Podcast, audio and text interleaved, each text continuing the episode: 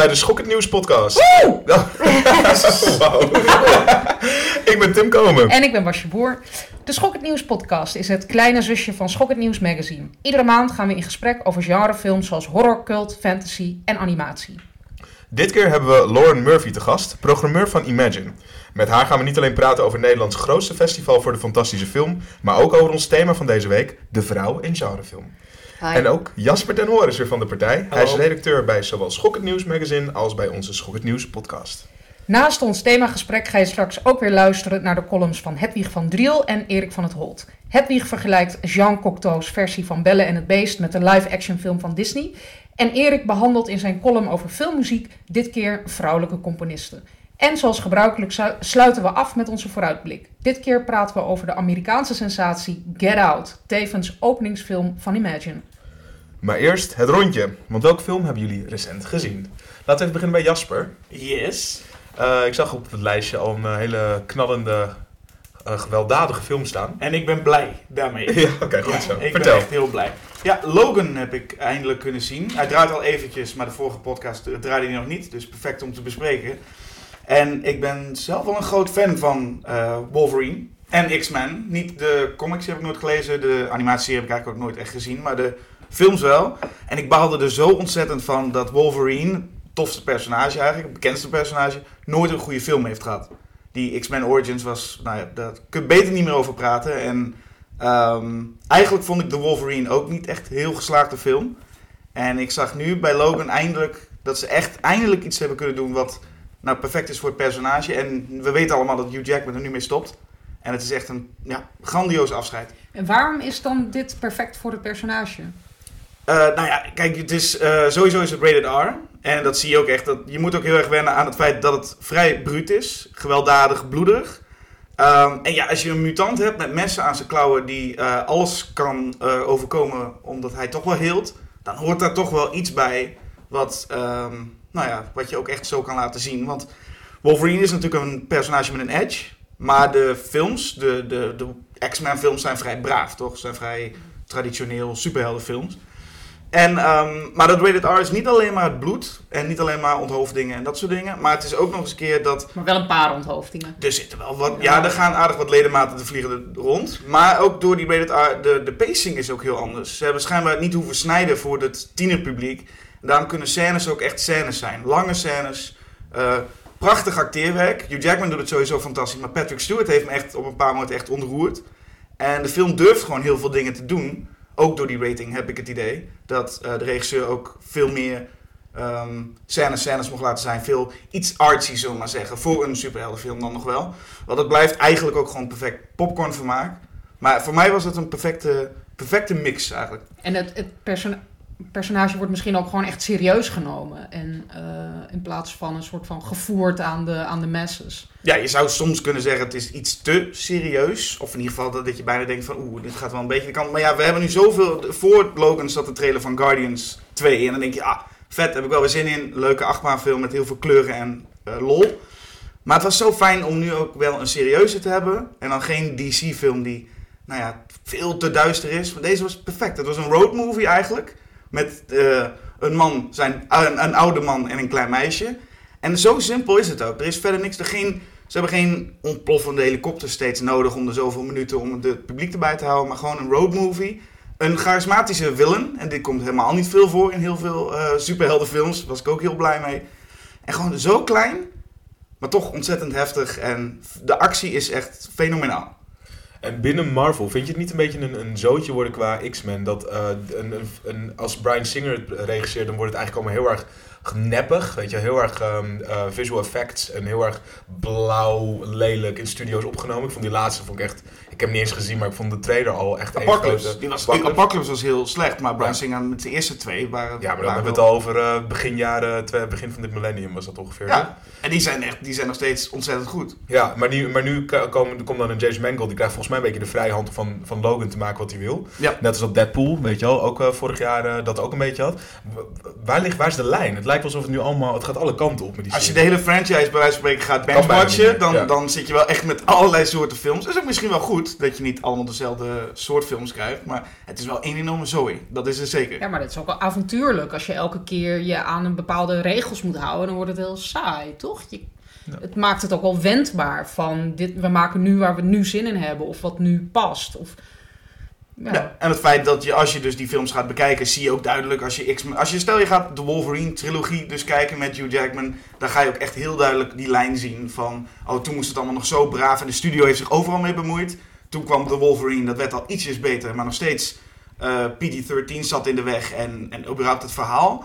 En dan krijg je Logan en daar zie je gewoon echt dat nu mochten ze doen wat ze wilden doen. En ik heb ook sterk het idee, want in de pers zegt Hugh Jackman natuurlijk altijd, dit wordt de beste Wolverine film. Dat zei hij volgens mij bij alle films. Maar dit is oprecht volgens mij wel echt de film die hij wilde maken en die Ja. volgens mij de fans ook heel graag wilden zien.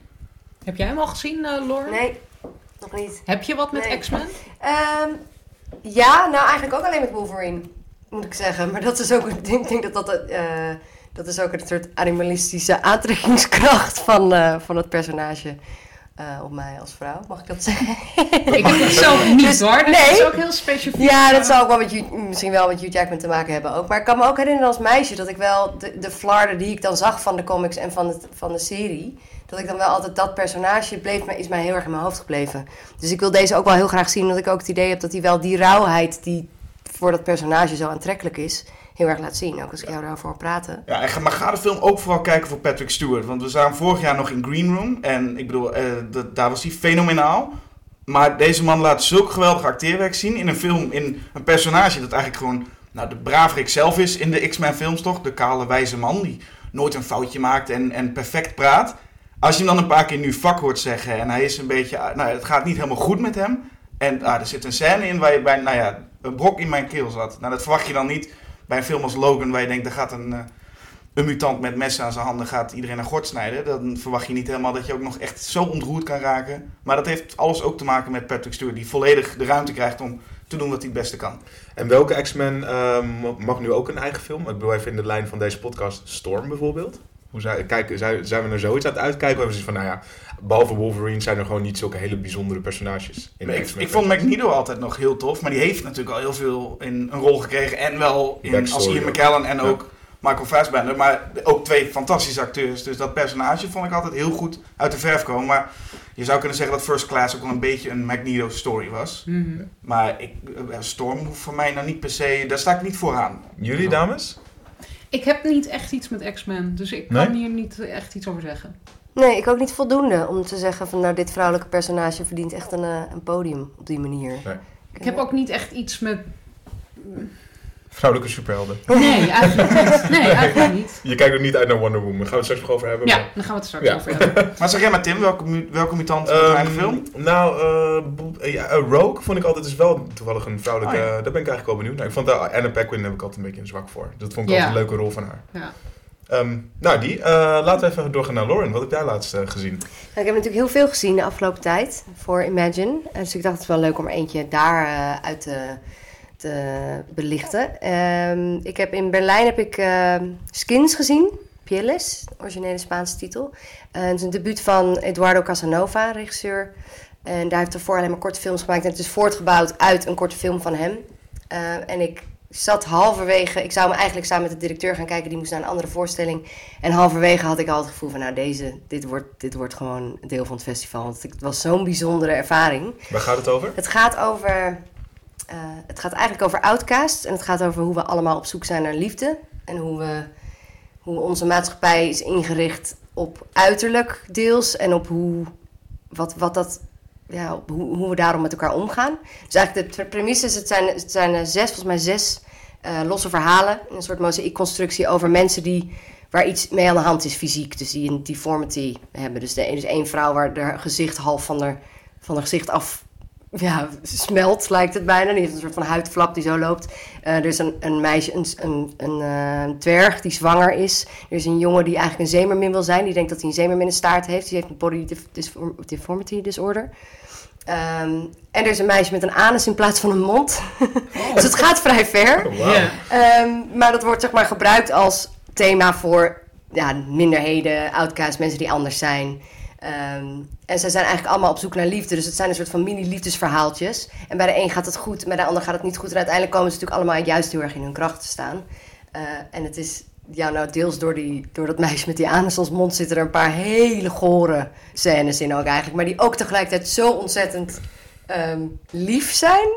Dat ik dus met tranen in mijn ogen zat aan het eind en een beetje repulsed was tegelijkertijd. en gewoon niet zo goed wist wat ik moest voelen. Dat je weet. En dat mensen echt daarna, dat hoor je aan zo'n zaal, hè, dat licht aangaat. En mensen gewoon meteen met elkaar gingen praten en klappen. En gewoon echt een hele bijzondere ervaring. Ga deze hoog eindigen in de Imagine eh publiekslijst? Ehm, nou, het zou zomaar eens in de publiekslijst wel hoog kunnen eindigen. Maar het is wel echt een underdog. Deels daarom ook van gaan vooral zien. Ja, het is geen, die, die, eh, vaal- en die zaal moet dan wel vol zitten. Dus dan Ja. moeten mensen er ook wel echt naartoe, eh, Ja. met z'n allen. Ja, en het is gewoon echt een, eh, het is ook echt een kunstwerk. Die, die, eh, die maker die heeft een hele aparte visuele stijl. Dus hij heeft alles ontzettend strak vormgegeven en gedesigned. Dus het- hij werkt alleen met de kleuren roze en paars. Dus het zijn een soort van tableautjes. Elke scène is echt naar de... Daar wil je wel bijna op pauze zetten en gewoon kijken hoe hij dat in godsnaam heeft gedaan. Dat hij Beetje die Wes kleuren- Anderson-achtig? Ja, heel erg. Ja, met, en dan met een soort absurditeit van Kaurismäki of zo. En een... Ja, Ik hoorde ook een vergelijking met Almodovar, Pedro Almodovar. Ja, ja, die begrijp ik ook wel. Ja, dat zit daar, gewoon ook het, ehm, dat subversieve ook natuurlijk. En het, eh, het, het dat ook toe, zeg maar, dat toepassen om een, om een heel hardveld verhaal te vertellen. Mhm. Ik, ehm, ja, ik was er echt heel erg van onder de indruk. Dus dat is mijn laatste toevoeging. Skins. ja, Gaan we kijken. skins. Ja. Tim, wat heb jij gezien recent? Nou, ik dacht ik ga eens niet een film doen, maar ik heb een serie gekeken. Ehm, terwijl iedereen helemaal wild is van American Horror Story en The Exorcist, dacht ik ik ga voor Sci-Fi's Channel Zero. Wat een, ehm, wat een serie is, die is een beetje net als American Horror Story, hebben zij ieder seizoen een ander verhaal. Ehm, dit zijn, en het is allemaal gebaseerd op de creepypasta's. Dat zijn ehm, eh, verhalen die de ronde doen op internet. Die gewoon geschreven zijn, soort van fanfiction. En ja, horrorverhalen die, eh, die, die het goed doen bij die lezers. Die gaan ze verfilmen. Ehm, het is al best wel, best wel hit. Zijn, het is nu al vernieuwd voor een tweede, derde en vierde seizoen. En dit eh, seizoen ging over Kendall Cove. Dat gaat, een, eh, dat gaat over een, een man die gaat keer terug naar zijn geboortedorp. waar van alles is gebeurd toen hij jong was. Eh, en hij, eh, daar, daar komt elke keer een programma op tv van Kendall Cove. Dat zijn een soort van handpoppen. Super creepy. En die eh, gaan in een soort van grot, een soort van piratenschip. Die gaan in een grot in. En die kinderen die dat zien, die worden allemaal heel erg... Die raken in een soort van rare zone en die worden super gewelddadig. Dus alle kinderen van dat dorp zijn gewoon niet meer te vertrouwen. En eh, hij heeft dus vroeger iets meegemaakt met zijn tweelingbroer daar. Ik zal niet al te veel eh, vertellen, maar eh, dat komt allemaal terug. En zijn dochtertje, die, die hij eigenlijk ergens in de stad heeft achtergelaten, staat ineens op de stoep daar. En die raakt ook ehm, ja, zegt in de macht van Kendall. Dus eh, dit is een heel, heel vet verhaal. Het is ook rond. Het zijn zes afleveringen, dus daarom ben je er ook weer vanaf. Het is een hele vette visuele stijl. Ze zet er echt wel iets heel cools neer. En het volgende seizoen gaat over, een, ik geloof een huis waarin eh, een groep mensen iedere kamer door moeten komen. En dan in, in, in iedere kamer moet iemand afvallen. Een beetje cube-achtig. Mhm. En het is een hele, ja, het is, het is echt een hele toffe serie. Het is gewoon echt iets vernieuwends en een hele eh, ja, verrassende horrorserie. Oké. En heel- elk seizoen wordt een één creepypasta verhaal eigenlijk eh, verfilmd. Ja, één creepypasta verhaal verfilmd. Dat klinkt heel interessant inderdaad. Ja, Valt Slenderman nou eigenlijk onder Ja, dat- Ja, dat creepypasta? dat zou wel kunnen. Ja. Ja, is dat een... Dat is eh, wel een creepypasta volgens mij. Ja, die, dat zou ook... En dat, dat Ja. volgens mij gaat... Maar ik denk dat Slenderman is daar niet nu een soort van hele zo'n Ja. hype omheen... dat het waarschijnlijk door een van de studio's... Volgens mij wordt het ook een film Ja, inderdaad. twee films worden, zijn erop gebaseerd. Volgens En mij een die binnenkort documentaire. uitkomen. In een documentaire, Beware of the Slenderman is een documentaire. Ja, Die was op ITVA vorig jaar. ja, dat gaat over twee er zal ook meisjes wel die... fictie eh, aankomen. Dan kan ik me niet voorstellen dat ze dat niet uh, op. Nee, dat Nee, is toch? zeker zo, ja. Ja. Net als Out. Ja, Beware the Slenderman, dat is inderdaad, dat gaat over die twee meisjes die een eh, Oh, ja. vriendinnetje hebben proberen te vermoorden. Ik was toevallig vorig jaar in eh, Amerika op reis. En toen heb ik dus een jongen gesproken die de huisgenoot is van de neef van een van die meisjes. En die hebben me toen dat verhaal verteld, de, hoe zijn dus dat nichtje van, de, van zijn huisgenoot eh, geprobeerd heeft dat meisje te vermoorden. Dat is Jeetje. echt heel creepy, ja. Maar eh, nou, dat eh, was heel bizar. Gewoon even een kleine detour, moet ik aan denken. En richt die serie zich dan ook op die doelgroep? Op die jongere Ehm, doelgroep? Want ik voel me daar, ik, ik ben, ben daar dus, ik voel me daar echt te oud voor. Ja. Voor de creepypasta. Ik snap niet hoe dat dan de wereld in komt en hoe iedereen dat dan ook echt gaat geloven. En hoe dat voelt best wel ver van mijn bed of zo. Nou, ik moet eerlijk zeggen dat, het best wel on- dat wij best wel de doelgroep zijn. Het is echt een hele. Het is best wel volwassen en het voelt heel erg goed en, en kwalitatief hoog. Ehm, het is niet. Ik denk dat, die, dat kids die het kijken, dat die het eigenlijk nog niet mogen zien. En dat ze daarom juist gaan kijken. En dat ze daardoor ook verrast zullen zijn van hoe vet het eigenlijk is. Ik was echt onder de indruk. Ik vond het echt een eh, verrassende goede serie. Ik weet alleen niet waar je hem kan kijken als je in Nederland woont. Tenzij hem eh, online eh, ergens eh, stiekem. Mogen we dat eh, zeggen? Download. Sorry. ja, misschien dat ook niet doen. Eh, Basje, wat is jouw... Nou, Tim. eh, wij hebben wel eens filmavondjes samen. jij dat klopt. En, eh, eh, en we hadden er vorige week één. En dat was eigenlijk, namen we toen een voorschot op deze uitzending. Dus toen hebben we twee, genre, twee horrorfilms van vrouwelijke makers gekeken. Namelijk Near Dark van Catherine, Big, Catherine Bigelow. Jeetje, ik kan haar naam ineens niet uitspreken. En Pet Cemetery van Mary Lambert. De een uit 87 en de ander uit 89. Dus ze hebben meer met elkaar gemeen dan alleen maar het gender van de makers. Ehm, maar verder ja, dus een paar. Ik vind allebei toffe films. Near Dark kende ik natuurlijk al. Die heb ik heel vaak gezien. Die vind ik te gek. Dat is Eh, mijn eerste keer. ja, Ja, ik wil heel tof. ja, toch? Ja. En Pet Cemetery had ik nog nooit gezien, maar die vond ik ook heel tof. Maar ehm, ja, ze hebben een soort overeenkomsten in nou ja, de, de, de tijd waarin ze gemaakt zijn. Dat, dat zie je heel erg terug. Ehm, het, de een gaat over vampieren, Near Dark. En Pet Cemetery gaat ook over eh, een soort van eh, het, het, het terugkeren naar dood. Namelijk ehm, ja, eh, een, een, hoe noem je dat? Een Indian burial ground waar je dan eh, je geliefde begraaft en die keert dan terug uit de dood, maar in een hele andere gedaante. Dus dat is ook hetzelfde soort thematiek eigenlijk. Het begint met een kat die ook vet creepy eh, terugkomt. Ja, met zo'n gele ogen. ja. En eh, alleen Near Dark is dan, weet je, Catherine Bigelow's stijl is zo, ja, dat heeft iets dramatisch en, en meeslepends en heel serieus ook en zo. Dat is echt een bepaald soort stijl. Terwijl Pet Cemetery was veel meer, had ook iets, terwijl ik het goed vond hoor, maar het had ook iets anekdotisch of iets Campy. Een beetje campy, camp terwijl het ook heel grimmig was en het eindigt heel deprimerend ook. Dat die man die, die dat niet kan loslaten en die dan, terwijl hij weet wat er, ja, ik wil het niet allemaal spoilen, maar goed, hij weet wat er gebeurt en toch doet hij het, zeg maar. En zieke zus Zelda is toch ook wel intens. Ja, precies. Je hebt dan eh, de, de, de zus van de vrouwelijke hoofdpersoon, die, is, die was heel ziek en zij moest als kind daarvoor zorgen. Maar dat was zo'n soort hele enge, zieke vrouw, ook gespeeld door een man volgens mij. Ja, klopt. Oh, is dat een man? Ja, dat is een man op een gegeven moment dacht ik, dit is een kerel in een jurk. Maar dan zo ingezet dat het niet komisch is, maar gewoon heel creepy. En het is gewoon een soort, ja, het is ook een soort gemuteerde persoon. Weet je, de keerzijde van skins. Ehm, ja, dat is inderdaad heel eh, duister en, eh, en heel goed ook uitgevoerd. En wat ons ook wel opviel, en daar letten we natuurlijk ook op, omdat het allebei vrouwelijke filmmakers waren. Ik dacht van, zit er nou een soort female gaze in? Want je had in Near Dark, die, die mannelijke hoofdpersoon wordt echt heel erg eh, geseksualiseerd, vind Ja. ik. Constant zijn shirt uit. Ja, met zijn shirt uit en een, ja, ik weet niet, een soort van lekker mannenlijf.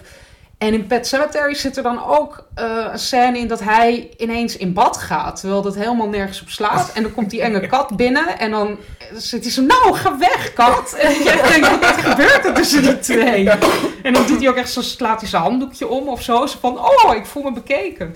ja. Ik, volgens mij vond ze dat gewoon leuk om zo'n soort scène erin te doen. Zit jij nooit in, in bad als je kat binnenkomt? Dan, Nee. nee. Nee, dat gebeurt echt. Nee, het was heel random dat hij dan in bad ging. Dus ik dacht, ja, misschien is dat ook wel een soort female gaze iets. Of expres erin gestopt. Nou ja, weet ik niet precies. Maar Of hij ging gewoon in bad. hij ging gewoon in bad. Ja, maar waarom? Dat is een ra- echt heel random. Het was echt random. Het is niet random voor mensen om in bad te gaan, toch per se? Ja, maar wel in een film. ja. Het was de scène waar het om draaide, was dat die kat ineens eng ging doen. Maar dan had hij dus ook in de keuken kunnen staan of in de tuin kunnen werken. Maar hij was... Ja. Ja, Hij zat Hij in zat bad. in bad. hij zat in bad. Ja, Ja, dat, nou ja. Misschien omdat Dan je dan... bloot. Ja, Ja. het is wel nog enger als dan een kat eng gaat doen, want dan ben je heel kwetsbaar. Nou Ja. Maar dat, eh, die films heb ik gezien. En, En wel goed om Near Dark even genoemd te hebben na het overlijden van eh, Bill Paxton. Die Ja. daar echt een fantastische Ja, rol in speelt. precies. Ja, Ja, heel goed. dus het was ook, eh, inderdaad, dat speelde ook mee waarom we wilden kijken om nog even Bill Paxton in volle glorie te kunnen zien. Ja, ik vind die hele cast trouwens geweldig in Neer. Lance Hendrickson is ook weer fantastisch. Ja. Klopt, de hele, de hele groep werkt. Ja. Heel goed. Nu is natuurlijk de grote vraag. Wat, is, wat wordt onze volgende filmavond?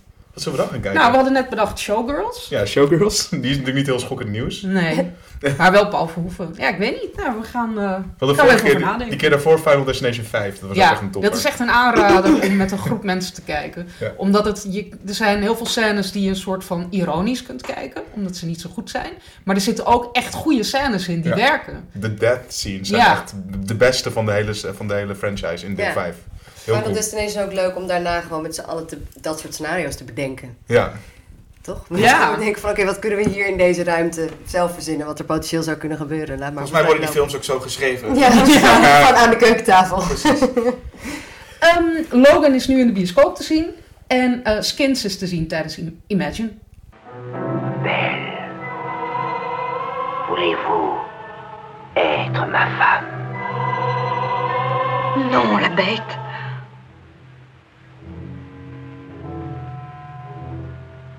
Adieu donc, Belle.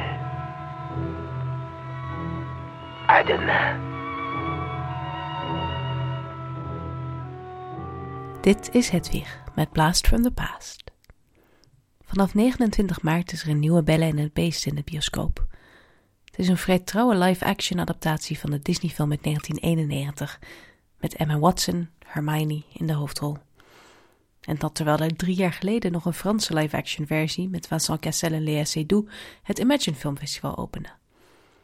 Het sprookje waar al deze films zich op baseren is ook Frans en stamt uit 1740. En de allermooiste filmversie van het sprookje, die komt ook uit datzelfde land. Dat is namelijk La Belle et la Bête van Jean Cocteau uit 1946. Cocteau, dat was een interessante figuur. Hij was dichter, maar ook filmmaker en tekenaar. Er zijn weinig kunstvormen waar hij niet op zijn minst aan heeft gesnuffeld. En als filmmaker maakte hij grif gebruik van speciale effecten om een magische, dromerige, surrealistische wereld te creëren. Zijn La et la Bête is echt een sprookje. Het opent met tekst op het scherm die de kijker aanmaant een beetje naïviteit te betrachten. Denk aan die magische woorden, schrijft hij. Er was eens een keer. Daarom lukt het ook om te geloven dat in het kasteel van het beest de kandelaars worden gedragen door armen die heus niet vastzitten aan acteurs achter de schermen. Je kan geloven dat een handschoen je instantaan kan verplaatsen naar een andere plek, dat je in een spiegel van alles kan zien en dat het hele verhaal lang standbeelden je bespieden met uitgestreken gezicht. Nou, de film is trouwer aan het oorspronkelijke sprookje dan de Disney-versies. Belle is bijvoorbeeld niet enig kind. Ze heeft twee zussen en één broer. Het sprookje waren twee zussen en drie broers. En eh, de vader van Belle, die is niet een uitvinder, maar een schipmagnaat. En die wordt arm omdat een aantal van zijn schepen op zee verdwijnen. Als er eentje weer opduikt, dan vragen zijn kinderen om allerlei luxe dingen. Behalve Belle. Die wil alleen een roos. En juist die roos, die roos die vindt hij op het landgoed van het beest. En door het plukken van die roos roept hij de woede van het beest over zich af. Een woede die alleen kan worden afgekocht door de gevangenschap van zijn mooiste dochter. De grootste toevoeging die de film maakte aan het sprookje is het personage van Avenant. En dat is vast de inspiratie geweest voor Gaston. Avenant wordt gespeeld door de toenmalige minnaar van Cocteau, Jean Marais. En die heeft net zo'n vierkante kaak en zware wenkbrauwen als het tekenfilmpersonage. Marais speelt ook tegelijkertijd het beest. En aan het einde van de film de prins. Wat de film een nogal vreemde ondertoon geeft. Het beest is minder vervaarlijk dan in andere adaptaties. Het is vrij duidelijk gewoon een man in een pak. En nogal deftig pak ook nog. Met af en toe wat effecten uit de rookmachine. Maar de pathos van het personage komt wel door. Belle en het beest zijn qua melodramatische neigingen goed aan elkaar gewaagd. Ze spreken ook elkaar steeds aan met het lidwoord, dus la belle, la bête. En uiteindelijk wordt het dan ma bête. Er zit ook een beetje een BDSM'ig laagje eraan. La bête lijkt er wel enigszins op te kikken als la belle hem afstotelijk noemt en zegt dat hij zich moet gaan schamen. Het is denk ik niet mogelijk om een versie te maken van La Belle la Bête die er niet van kan worden beticht uiteindelijk een romantisering van Stockholm-syndroom te zijn. Ook deze niet. En echt romantisch kan je de film ook niet noemen. Maar sprookjesachtig en magisch? Dat wel. De nieuwe live-action versie van Disney heeft uitgebreide CGI voor de betoverde staf van het kasteel. En heeft natuurlijk leuke liedjes van Disney en die prachtige gele jurk. Ik heb ook gehoord dat de Gaston van Luke Evans zeer de moeite waard is. Maar geef mij maar de zwart-wit versie van Cocteau. Met zijn statige interacties tussen de schoonheid en het beest en de ouderwetse effecten. Dit was Hedwig met Blast from the Past. Dankjewel Hedwig. Beauty and the Beast is nu in de bioscoop te zien. Final Girls en Scream Queens. Slachtoffers en Wonder Women. Object van verlangen of nagel aan je doodskist. Of ze nu dubieus seksobject zijn of kick-ass adventure, de vrouw is niet weg te denken uit de genrefilm. Sterker nog, onderzoek wees uit dat er maar één genre is waarin vrouwen meer in beeld zijn dan mannen. En dat is het horrorgenre. En dan hebben we het nog niet eens over de vrouw achter de camera. Natuurlijk, er zijn meer mannelijke regisseurs, maar dat neemt niet weg dat vrouwen ook graag en steeds vaker genrefilms films regisseren. Om een paar van onze favoriete door vrouwen geregisseerde genrefilms te noemen: Near Dark van Catherine Bigelow, Jennifer's Body van Karin Kusama en American Psycho van Mary Harron. En dan heb je nog recente, zeer enthousiast onthaalde films als The Babadook van Jennifer Kent, A Girl Walks Home Alone at Night van Anna Lily Amirpour en The Love Witch van Anna Biller. Ook tijdens het Imagine Filmfestival, dat op 12 april van start gaat in AI, is de vrouw uitstekend vertegenwoordigd, als personage en als maker. Denk bijvoorbeeld aan de heksen in Dario Argento's Suspiria, te zien tijdens de Imagine-editie van Cinema Exotique, en in de stomme filmklassieker Hexan. Daarvan is een speciaal cinemaconcert. Er is aandacht voor Wonder Woman, een film die niet alleen over een vrouw- gaat, maar ook door een vrouw gemaakt is. En ook de reguliere programmering telt een aantal films van vrouwelijke makers. Zoals de horrorsensatie Raw van Julia Ducournau, als ik het zo goed uitspreek. Ja. Afsluitfilm Busters Mel Hart van Sarah Adina Smith. Girl Asleep van Rosemary Meyer. En Berlin Syndrome van Kate Shortland. Eh, Lauren, jij bent programmeur bij het Imagine Film Festival. Mhm. En jij bent een vrouw. Ja, dat klopt. De enige in het team, ja.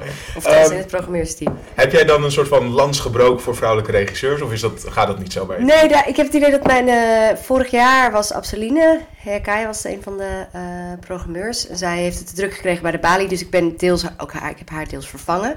En zij heeft daar al, ook al een enorme lans voor gebroken. Ehm, want zij heeft onder andere het themaprogramma van dit jaar, het Fantastic Fashion programma, aangedragen. Met ook de motivatie dat achter de schermen in film, als het niet de regisseurs zijn, maar de producenten en de kostuumontwerpers met name, daar zitten heel veel vrouwen tussen. Dus daar kan je ook op een positieve manier de vrouwelijke bijdrage aan genrefilm eh belichten. Dus we hebben daar, daar hebben we ook een heel randprogramma omheen waar behoorlijk wat vrouwen op afkomen onder Lindy Hemming. Waar we erg trots op zijn. Zij is de kostuumontwerper van eh, een groot aantal Bondfilms. En ze heeft met Christopher Nolan de laatste Batmans gedaan. En de laatste Wonder Woman is ze ook bij betrokken. Volgens mij ook nog twee Harry Potters. Dus dat is gewoon een hele, hele interessante, echt een heldin. En hoe, hoe gaat dat hele proces van dat jullie denken van oké, vrouwen in genrefilm is best wel een thema en Wonder Woman. Eh, kun, je iets, kun je een beetje schetsen hoe dat achter de schermen bij Imagine, hoe deze gesprekken gaan? Hebben jullie dan Chris, de directeur, Ja. eh, daarvan moeten overtuigen? Of was hij daar zelf juist heel enthousiast Nou, ik ben erbij gekomen toen het thema al stond. Dus ik weet niet precies hoe die, eh, hoe die gesprekken zijn gegaan. Maar ik denk niet dat dat heel veel overtuiging nodig heeft. Ik denk dat iedereen inmiddels wel vindt dat daar, dat, dat daar ruimte voor moet zijn. En dat dat een podium verdient. En eerlijk gezegd denk ik ook juist in genrefilm dat dat, dat dat niet per se daar minder zo is dan in andere delen van de filmindustrie. Sterker nog, genrefilm is natuurlijk een, een makkelijke manier om geld, om funding te krijgen. Dus het is ook voor heel veel vrouwelijke makers een manier om te beginnen. Dus juist in genrefilm eh, is alsnog het percentage ligt veel te laag. Maar er, zijn we, er wordt wel aardig wat gemaakt door vrouwen. Alleen volgens mij is het voor de regisseurs maar 2% of zo. Wel echt een soort shocking Heel laag. ja. getal. En producenten zijn er dan wel iets meer, maar ook alsnog maar 18%. Ehm, dus er valt nog wel heel veel te behalen. En als je daar natuurlijk als festival wat aan kan bijdragen, dan, dan eh, is dat heel welkom. En dan behoeft de directie daar ook geen... Die hoeft niet over de streep getrokken te worden daarin, denk ik. Ja, het is ook zo, kijk, als vrouwen nou helemaal geen interesse zouden hebben in horror of Ja, maar dat cult. hebben ze wel. En dat hebben ze wel. Ja, en dat- sterker nog, ze hebben dat blijkbaar ook langer. Dus niet als een soort puberale fase, maar vrouwen komen... Ik las het laatst in een interview met iemand zei... Ja, dat was, was bij de première van mijn film... en dan komen er gewoon groepen vrouwen... die laten hun man thuis met de kinderen... en die gaan met de vriendinnen... en die zijn al 35 tot eh, nog ouder. Dus dat is iets waar ze... Die zijn ook heel trouw, blijkbaar, het vrouwen, vrouwelijke genrepubliek. Oh ja. Dus er is een enorme markt voor. Ja.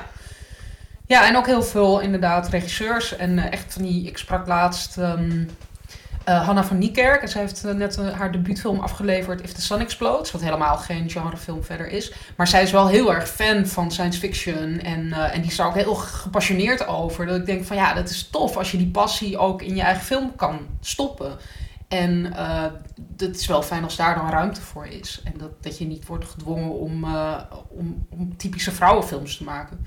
Want als, als jullie kijken naar, ehm, even aan, aan de vrouw dan dus aan tafel, eh, aan, als vrouw een genrefilm heeft gemaakt zonder te willen, het soort van hokjes te willen stoppen, zien jullie dan een bepaalde vrouwelijke invloed? Of zien jullie dan, hey, dit is wel iets wat alleen een vrouw in de film zou kunnen stoppen en een man die zou er niet dat, dat punt bereiken? Mm, Of is het een hele algemene wisselt wel heel erg. Soms dan denk ik het wel, ook dat jij net beschreef van jullie filmavondje vorige week. En dat je dan, je, als je er heel erg op gaat letten, dan zie je misschien ook wel weer, dan kan je wel dingen zien. Maar ik denk, het is natuurlijk ten eerste moet iemand gewoon een hele sterke visie hebben. Of dat nou een man of een vrouw is. Ehm, en ik denk, nou, ik denk wel, er zijn natuurlijk bepaalde onderwerpen zoals de Prevenge, die nu die in Rotterdam draaide ook, van Alice Lowe. Dat is wel een, het, die was zelf ook zeven maanden zwanger. En dat hele thema van dingen waar vrouwen... Een man kan niet zwanger raken, dus dat is natuurlijk per definitie een thema. Polanski heeft het natuurlijk ook behandeld. Maar ik kan me wel voorstellen dat dat vanuit je eigen ervaring net wel een andere laag geeft Terwijl aan een film. moederschap en, en, en zwangerschap en al dat, dat zie je juist heel vaak in horrorfilms. Dat is echt iets. ehm, ik weet niet waarom dat is, maar dat, dat, dat vinden we heel eng. Maar ook al vroeger in Sprookjes, wat eigenlijk de, ook een soort horror was natuurlijk. Eh, gaat ook heel erg over juist hele jonge vrouwen die net vruchtbaar zijn. Of eh, hele oude, weet je, oude heksen die juist niet meer vruchtbaar zijn. Die zijn dan Ja. eng, weet je. En die jonge meisjes zijn begeerlijk. En heb je een rood kapje waarvan je dan kan denken... Eén interpretatie is dat dat rode kapje ervoor staat dat ze net ongesteld is geworden. Dus een soort van... eh, ja, een soort slachtoffer is voor de wolf. Ja, dat soort elementen spelen altijd wel een soort rol in horror. Dus het is eigenlijk ook heel logisch, vind ik, dat, dat er zo'n film is als Prevenge. Of en Ja. dat vrouwen dat zelf dat thema ook aansnijden. En dat het niet alleen vanuit mannen wordt bekeken. Nee, precies. Maar ik denk wel dat misschien de, de, de angst komt natuurlijk wel vanuit een andere positie. Dus de angst voor het vrouwelijke vanuit een man is ook een angst voor iets onbekends. En bij een vrouw is het natuurlijk een inherent deel van jezelf. Dus ik denk, maar dat kan net zo goed heel erg eng zijn. Ja, ja nog enger. Nog enger. Dus ik, weet ook daarom, ik denk ook namelijk dat mensen misschien wel zouden kunnen denken... oh, vrouwen hebben misschien een za- softere aanpak of zo. Terwijl ik dat dus... Ik, ik eigenlijk ervaar dat heel veel vrouwelijke filmmakers... juist hele hardcore films kunnen maken. Dus en dat ook, weet je, geweld en agressie... natuurlijk ook helemaal niet alleen maar toebedeeld zijn aan mannen. Als emoties. En dat daar ook ruimte gegeven aan kan worden... eh, in het vrouwelijke spectrum van emoties. Want als je dan kijkt naar bijvoorbeeld een, eh, een Rosemary's Baby, wat natuurlijk Mhm. gaat over zwangerschap eh, en de angst die daarbij komen kijken, waarom zou dat anders zijn geweest? Zou het enger zijn geweest als een vrouw dat had geregisseerd? Zou, zou die andere aspecten van zo'n vrouwelijke ervaring in de film stoppen?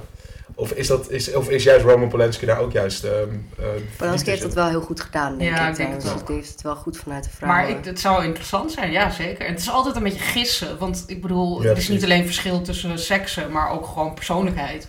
Dus ja. Ja, het is uiteindelijk ook wie de beste ehm, maker is, wie het beste script heeft uiteindelijk, Ja. toch? Ja, Althans, ik kijk er niet aan, maar als je bijvoorbeeld kijkt naar Carrie, eh, met een, een, eh, echt twee vrouwelijke hoofdrolspelers, of eigenlijk voornamelijk vrouwen in de hoofdrol. En één John Travolta die even voorbij komt. Maar, en eh, die is door Brian De Palma gemaakt. En Carrie 2, een hele klote film, die is weer door een vrouw gemaakt. Ja, Dus zegt dan wat dat betreft ook niks. Nee. Van wie kan dat het beste... nee. Want ik, ik, ik wil ook nu weer niet als een eikel klinken, maar ik, ik, ik roep dus wel eens dat op het moment dat je dus kijkt naar romantische comedies, dan zie je dat de films, de, de hardere romantische comedies, zoals een Mean Girls, een Bridesmaids, maar ook al die Judd Apatow films, zijn allemaal mannen die daarachter zitten. Ja, maar wel moment door dat- vrouwen geschreven. Mean Girls en eh, Ja. Bridesmaids. Ja, nou, dat is een goed punt. Maar goed, Judd Ja. Apatow die heeft daar ook... eh, die, en, en die Paul Fake ook. Dat zijn mannen die dat ook die, die, dat heel interessant vinden. Die graag in die vrouwenwereld zitten. En veel kunnen met, met verhalen over vrouwen. Eh, dat, is, dat is ook interessant. Ja. Ehm, ja, maar ook qua maar- schrijven heb je dat toch? Qua schrijven heb je ook dat er zijn mannen die heel goed vrouwen kunnen schrijven. Net als dat, ik bedoel, Ja. een, een, een John Hughes kon heel goed tieners schrijven, ook al was hij geen tiener. En je hebt mensen die dat heel goed... Ja, en Catherine Bigelow kan heel goed uit de voeten met mannenwerelden. En, Ja, en een precies. soort, dat, daar staat zij echt bekend om. Maar ik heb bijvoorbeeld, nou ja, goed, ik, ik, ik behoor dan ook tot een minderheid, ik ben zelf gay, maar op het moment dat, jij, dat ik eh, gay films zie die al heel erg gaan over een coming out en een eh, co- coming of age, vind ik het heel vaak best wel een beetje cringy, cringe-worthy. Ik vind het meestal niet zo fijn om naar te kijken. Dan vraag ik me af, komt dat dan te dichtbij? Maar het is, het is wel een bepaalde manier waarop in ieder geval het gayscha- eh, gayness wordt, wordt vertegenwoordigd in films, waar ik me niet comfortabel bij voel. Ja. Pas op het moment dat Ang Lee een Brokeback Mountain maakt, dan denk ik, oh, hier kan ik me wel in vinden. Maar vaak is het allemaal ontzettend overdreven, worden de reacties ontzettend opgeblazen. Ik vraag me dan af of eh, hebben jullie, ervaren jullie dat ook wel eens als vrouw over vrouwenonderwerpen in film? Als ze door een man worden gepresenteerd. Want jij bedoelt van als er, als er een gay, als er iets wordt gepresenteerd wat door een heteroseksuele man wordt gemaakt, dan vind je het, dan Nee, kan je het minder ik, nee, herkennen. vind ik het op de een of andere manier juist eh, relaxter dan Ah, eh, eh, iemand die gay is, Ja, regisseert en dat Mhm. maakt. En dan, ik Ja, maar dan is goed- het misschien ook van, kijk, dit is, dit is een film voor jou. Hier moet je je in herkennen. En dan heb je al snel zoiets van, nou, nou, dat weet ik zo net nog niet. Nee, dat is het vaak. Ja. En dat herken ik ook wel. Maar wat het is, kijk, vrouwen zijn zo van, van jongs af aan worden ze eh, gewoon, krijgen ze, ik airquote het even, mannenfilms voorgeschoteld. En vrouwen zijn heel erg gewend om daar gewoon in mee te gaan. Die kunnen zich heel makkelijk inleven in mannelijke personages. En ehm, dus ik denk dat ik zelf heb dat wat minder. Ik, ja, of ik weet niet of dit een goed antwoord is op je vraag. Maar vice dat? versa ook. Want mannen kunnen zich ook goed inleven in vrouwelijke personages. Dat is ook altijd het. Dat vind ik wel een van de sterkste tegenargumenten voor als. als ik vind namelijk bijvoorbeeld niet dat alle slasherfilms super misogynistisch zijn of alleen maar super vrouwenvriendelijk. Deels omdat ook de mannen die daarnaar kijken uiteindelijk wel meer identificeren met het slachtoffer dan met de moordenaar. Ondanks dat dat misschien een man is en het slachtoffer vaak een vrouw. Maar je merkt toch dat mannen minder snel naar eh, films toe gaan die over vrouwen gaan. Die hebben minder eh, zin om zich aan te passen, omdat ze dat niet gewend zijn dat ze zich moeten aanpassen. Die krijgen gewoon heel. Die, er, zijn voldoende, er is voldoende aanbod in films over mannen. Dus Maar is dat, is is, dat zo? wat. Dat schijnt wel zo te zijn, ja. want op het moment dat je kijkt naar, de, naar het horrorgenre en dus bijvoorbeeld het slashergenre is, gaat het natuurlijk altijd over Ik een denk- final girl. Ja, ik denk dat dat de uitzondering is. Omdat het dan een, tussen aanhalingstekens weer, eh, eh, mannelijk genre is. Dat, dat, dat ze zich daar dan overheen kunnen zetten. Maar dat gis ik nu. Hm. Hmm. En sowieso die, die Final Girl. Jasper, heb jij iets te zeggen over de Final Girl? Want dat is wel echt het. Nou ja, als we het puur hebben over vrouwonvriendelijkheid, dan vind ik eigenlijk dat horrorfilms voorop lopen in juist... Als je eh, kijkt maar naar actiefilms, Jean-Claude Van Damme, die het vrouwtje gaat redden. Het vrouwtje doet ook helemaal niks toe. Die moet die redden, die moet hij in zijn armen hebben, toch? In die gespierde armen van hem. En in ehm, superheldenfilms heb je toch ook? Welke je, hebt een superheldin in het hele team van Avengers zitten, maar verder, superhelden redden de vrouw. En in horrorfilms, wat dat betreft, sinds jaren 70, 80, is de vrouw echt de sterkste. De, de mannen stellen toch eigenlijk niks voor in die hele groep. Iedereen gaat nu koekjes lopen eten hier. en het- Blij was ik heel blijf- terug ik ben volle eh, tot iedereen hier. Normaal gesproken hebben we deze podcast altijd s'avonds op en eten pizza's. Maar nu is overdag en het worden de koekjes en gegeten, eten inderdaad. Maar ik was gewoon heel goed aan het luisteren. Ja, ik dacht, oh Jasper gaat even een lekkere monoloog houden. Ik Nee, nee, maar dat, dat is ook zo. Je hebt alleen wel, eh, dat is wel twijfelachtig, vaak de sloerie, zeg maar. Even Die wordt ook, maar ja, dan heb je ook de jock, de, de, je hebt ook de nerd. Ja, de alleen- mannen zitten ook in een... Nee, zeker. Alleen de sloerie wordt afgestraft. Omdat ze een sloerie is, kan je dan, of dat lijkt Ja. dan de boodschap te zijn. Van dus, terwijl eh, ik vind dat vrouwen, ehm, ja, die mogen, die, Maar dat is omdat een, hè, de, de, de Laurie Strode uit Halloween, die, die doet niet aan drugs. En volgens mij doet ze dat... eh oh nee, in Friday the 13 zit een personage dat gewoon... De final girl die dan drugs gebruikt. Maar eigenlijk als je drugs gebruikt, of als je seks hebt, Dan ga je eraan. En ben je Ja. heel braaf en doe je helemaal niks fout, dan Ja. blijf je leven. ja, precies. Maar dat, in principe zou dat ook een man kunnen zijn. Dat is volgens mij meer de regels die ze opgelegd hebben van eh, drugs is slecht en seks is slecht. Maar het feit dat een vrouw eh, het overleeft, maakt ze toch het vrouw het sterkste personage van. Maar dat zijn dan wel de, de, de mensen die er dus niet, eh, die niet seks hebben. De vrou- die Dat was in de jaren. 80 in ieder geval zo. Dat is inmiddels ook wel veranderd, maar de Final Girl blijft nog wel een beetje bestaan. Als Ja. de vrouw overleeft het. En de Ja. vrouw gaat het gevecht aan. Ik denk dat men dat ook interessanter vindt. De vrouw gaat tegen die, die Ja. gemaskerde boeman eh, vechten. Dat, Het is een dat, contrast. Het is een groter contrast Ja. dan een andere man die tegen die vent gaat vechten. Dat, Ja. is, dat is het vaak wel. Zeker. Nee, maar dat vind ik, de Final Girl ben ik helemaal vol, eh, voor. Alleen het zou leuk zijn als het dan ook een sloerie was. En dat je daarmee ook zegt van... eh, je, je mag lekker zelf weten wat, wat je doet eh, met je seksleven. Nou ja, dan zou je, want als je nu inderdaad omschrijft je de sloerie, maar vaak gaat de sloerie ook gepaard met een, een, een pestkop die, die zeg maar ook heel naar is tegen iedereen. En die wil je Ja, gewoon maar- dat wint. Ja, maar als ze seks heeft en verder gewoon, ik bedoel, eh, in Scream speelde Wes Craven daar nog heel erg mee, dat die zijn hoofdpersonage gewoon seks liet hebben en je echt speelde met, nou heeft ze dat gehad, nu moet ze eigenlijk dood. En dat Ja. gaat ze niet, want ze, nou ze Zeker. Maar hij speelde met die conventie die er al stond. Wat toch een moralistische conventie was. Maar het is fijn dat daarmee gespeeld wordt. En dat dat, dat een beetje wordt eh, omgebogen. Maar het is nog steeds natuurlijk eh, een, een vrouw met een wild sek- seksleven is nog steeds een soort taboe. En dat, Oh, maar ook in het echte leven natuurlijk. Dat is dan Precies. iemand als Lina Dunham die daar eh soort van tegenin druist met Ja. girls. ja. Waarin, zij, waarin vrouwen gewoon seks hebben en eh, behoorlijk ook wat andere dingen. Als we goed kijken waar het vandaan komt, dan is het, is het wat dat betreft, als je ja, films uit de jaren 20, 30, de horrorfilms, daar waren de vrouwen nog die vrouwen die als ze een monster zagen flauw vielen. Hoofd, eh, hand aan het voorhoofd en dan vielen ze flauw en daar kwam de man wel even redden. En inmiddels is het, eh, in de jaren 70, is het personage van de vrouw ook minder zo'n mooi model geworden, maar gewoon eh, de girl next door. En dat verandert steeds verder. Volgens mij eh, ja, gaat het steeds verder. Inmiddels heb je ook hoofdpersonages die gewoon seks hebben. Die regels zijn er ook een beetje af. Dus Ja, het past gaat zich echt aan aan de, aan de tijd en de context. Dat is wel interessant om te zien. Het is niet bespottelijk toch? Als je ziet Ja. als, eh, als eh, heet dat, ehm, Count Orlok in Nosferatu binnenkomt en die vrouw doet haar hand aan de voorhoofd en valt dan... Ja. Maar is het dan nu niet zo dat zo'n film, Hedwig had het net over Beauty and the Beast, eh, gooit die film ons dan weer niet 20 jaar terug in de tijd? 30, 40, 50 jaar terug in de tijd? ja, ik denk dat, maar dat heeft waarschijnlijk ook wel met Disney te maken. Ja? Ik denk dat die nog wel grote stappen te zetten hebben. Ik bedoel, natuurlijk hebben ze wel een... eh laatst, voor, of een paar jaar terug, voor het eerst een zwart personage gehad en zo. Maar over het algemeen... Dat was En meteen een niet- succesvolle film, geloof ik. Nou, Dat is echt heel erg. ja. Ehm, maar ik, ja, ik, ik heb Is die niet- loopt wat achter, zeg je dan wat dat Ik vind wel dat Disney wat dat betreft zeker wat achterloopt, ja. Het zou inmiddels, zeg maar, eh Bell and Beast, zou het beest gewoon de, de, de vrouw kunnen zijn. Dat zou wel vet zijn, hè? En dan, Ik probeer een soort eh, iets voor me te zien, maar ik vind het toch heel ingewikkeld. Het zou het is ook een soort qua verhaal niet helemaal werken, denk ik. Wat Nee. heel erg is, maar Nog niet. nee. We zijn er nog niet, maar het zou best kunnen, toch? Eh, ja. Ja, nou ja, een soort van fataalachtig idee zijn er natuurlijk wel. Maar ik denk dat wij, dat dit, ik, vind, ik merk net wat Tasja ook heeft, het- zo'n verhaal zit natuurlijk ook zo vastgeroest in je eigen hoofd al, omdat je vanaf kleins af aan dat verhaal ziet en meekrijgt. Dan moet je er heel actief buiten breken. Maar het zou eigenlijk wel gewoon moeten kunnen, ja. Ik vind dat zo, ik, ik zei het net al, ik vind dat Belle en Beest verhaal heeft me nooit aangetrokken. Ik zie daar echt helemaal niks. Ik vind het niet romantisch. Ik vind het echt zeer dubieus. Terwijl ik vind niet dat alle verhalen super feministisch hoeven te zijn. Of ja, dat mag allemaal wel een randje hebben. En, maar dit is een vrouw die wordt ontvoerd eigenlijk of opgesloten door een, een beestachtige man.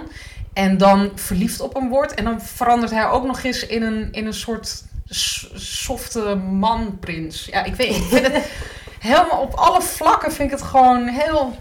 Dus jij zegt eigenlijk al die vrouwen die dus nu een, slechte man, of Nee, aantrekkingskracht Oh, tot ja. slechte mannen, is eigenlijk komt, stamt een beetje uit Beauty and the Beast. Nou ja, het is natuurlijk wel zo dat eh, er, zijn heel veel, er zijn ook heel veel mannen die in een slechte relatie zitten met een nare vrouw. Maar je hebt omgekeerd ook vrouwen die in een nare relatie zitten en, en denken van nou, maar dat komt nog wel goed, want hij wordt nog wel een prins. Ja, dat... Ja. Vrouwen toch die al achterhaald dat hij een prins wordt. Hij zou toch eigenlijk na, na als, ge- hij zou nu toch een bouwvakker moeten worden met een bierbuikje. Dat is dan, Dat is realistisch. dat is realistischer dan. Ja.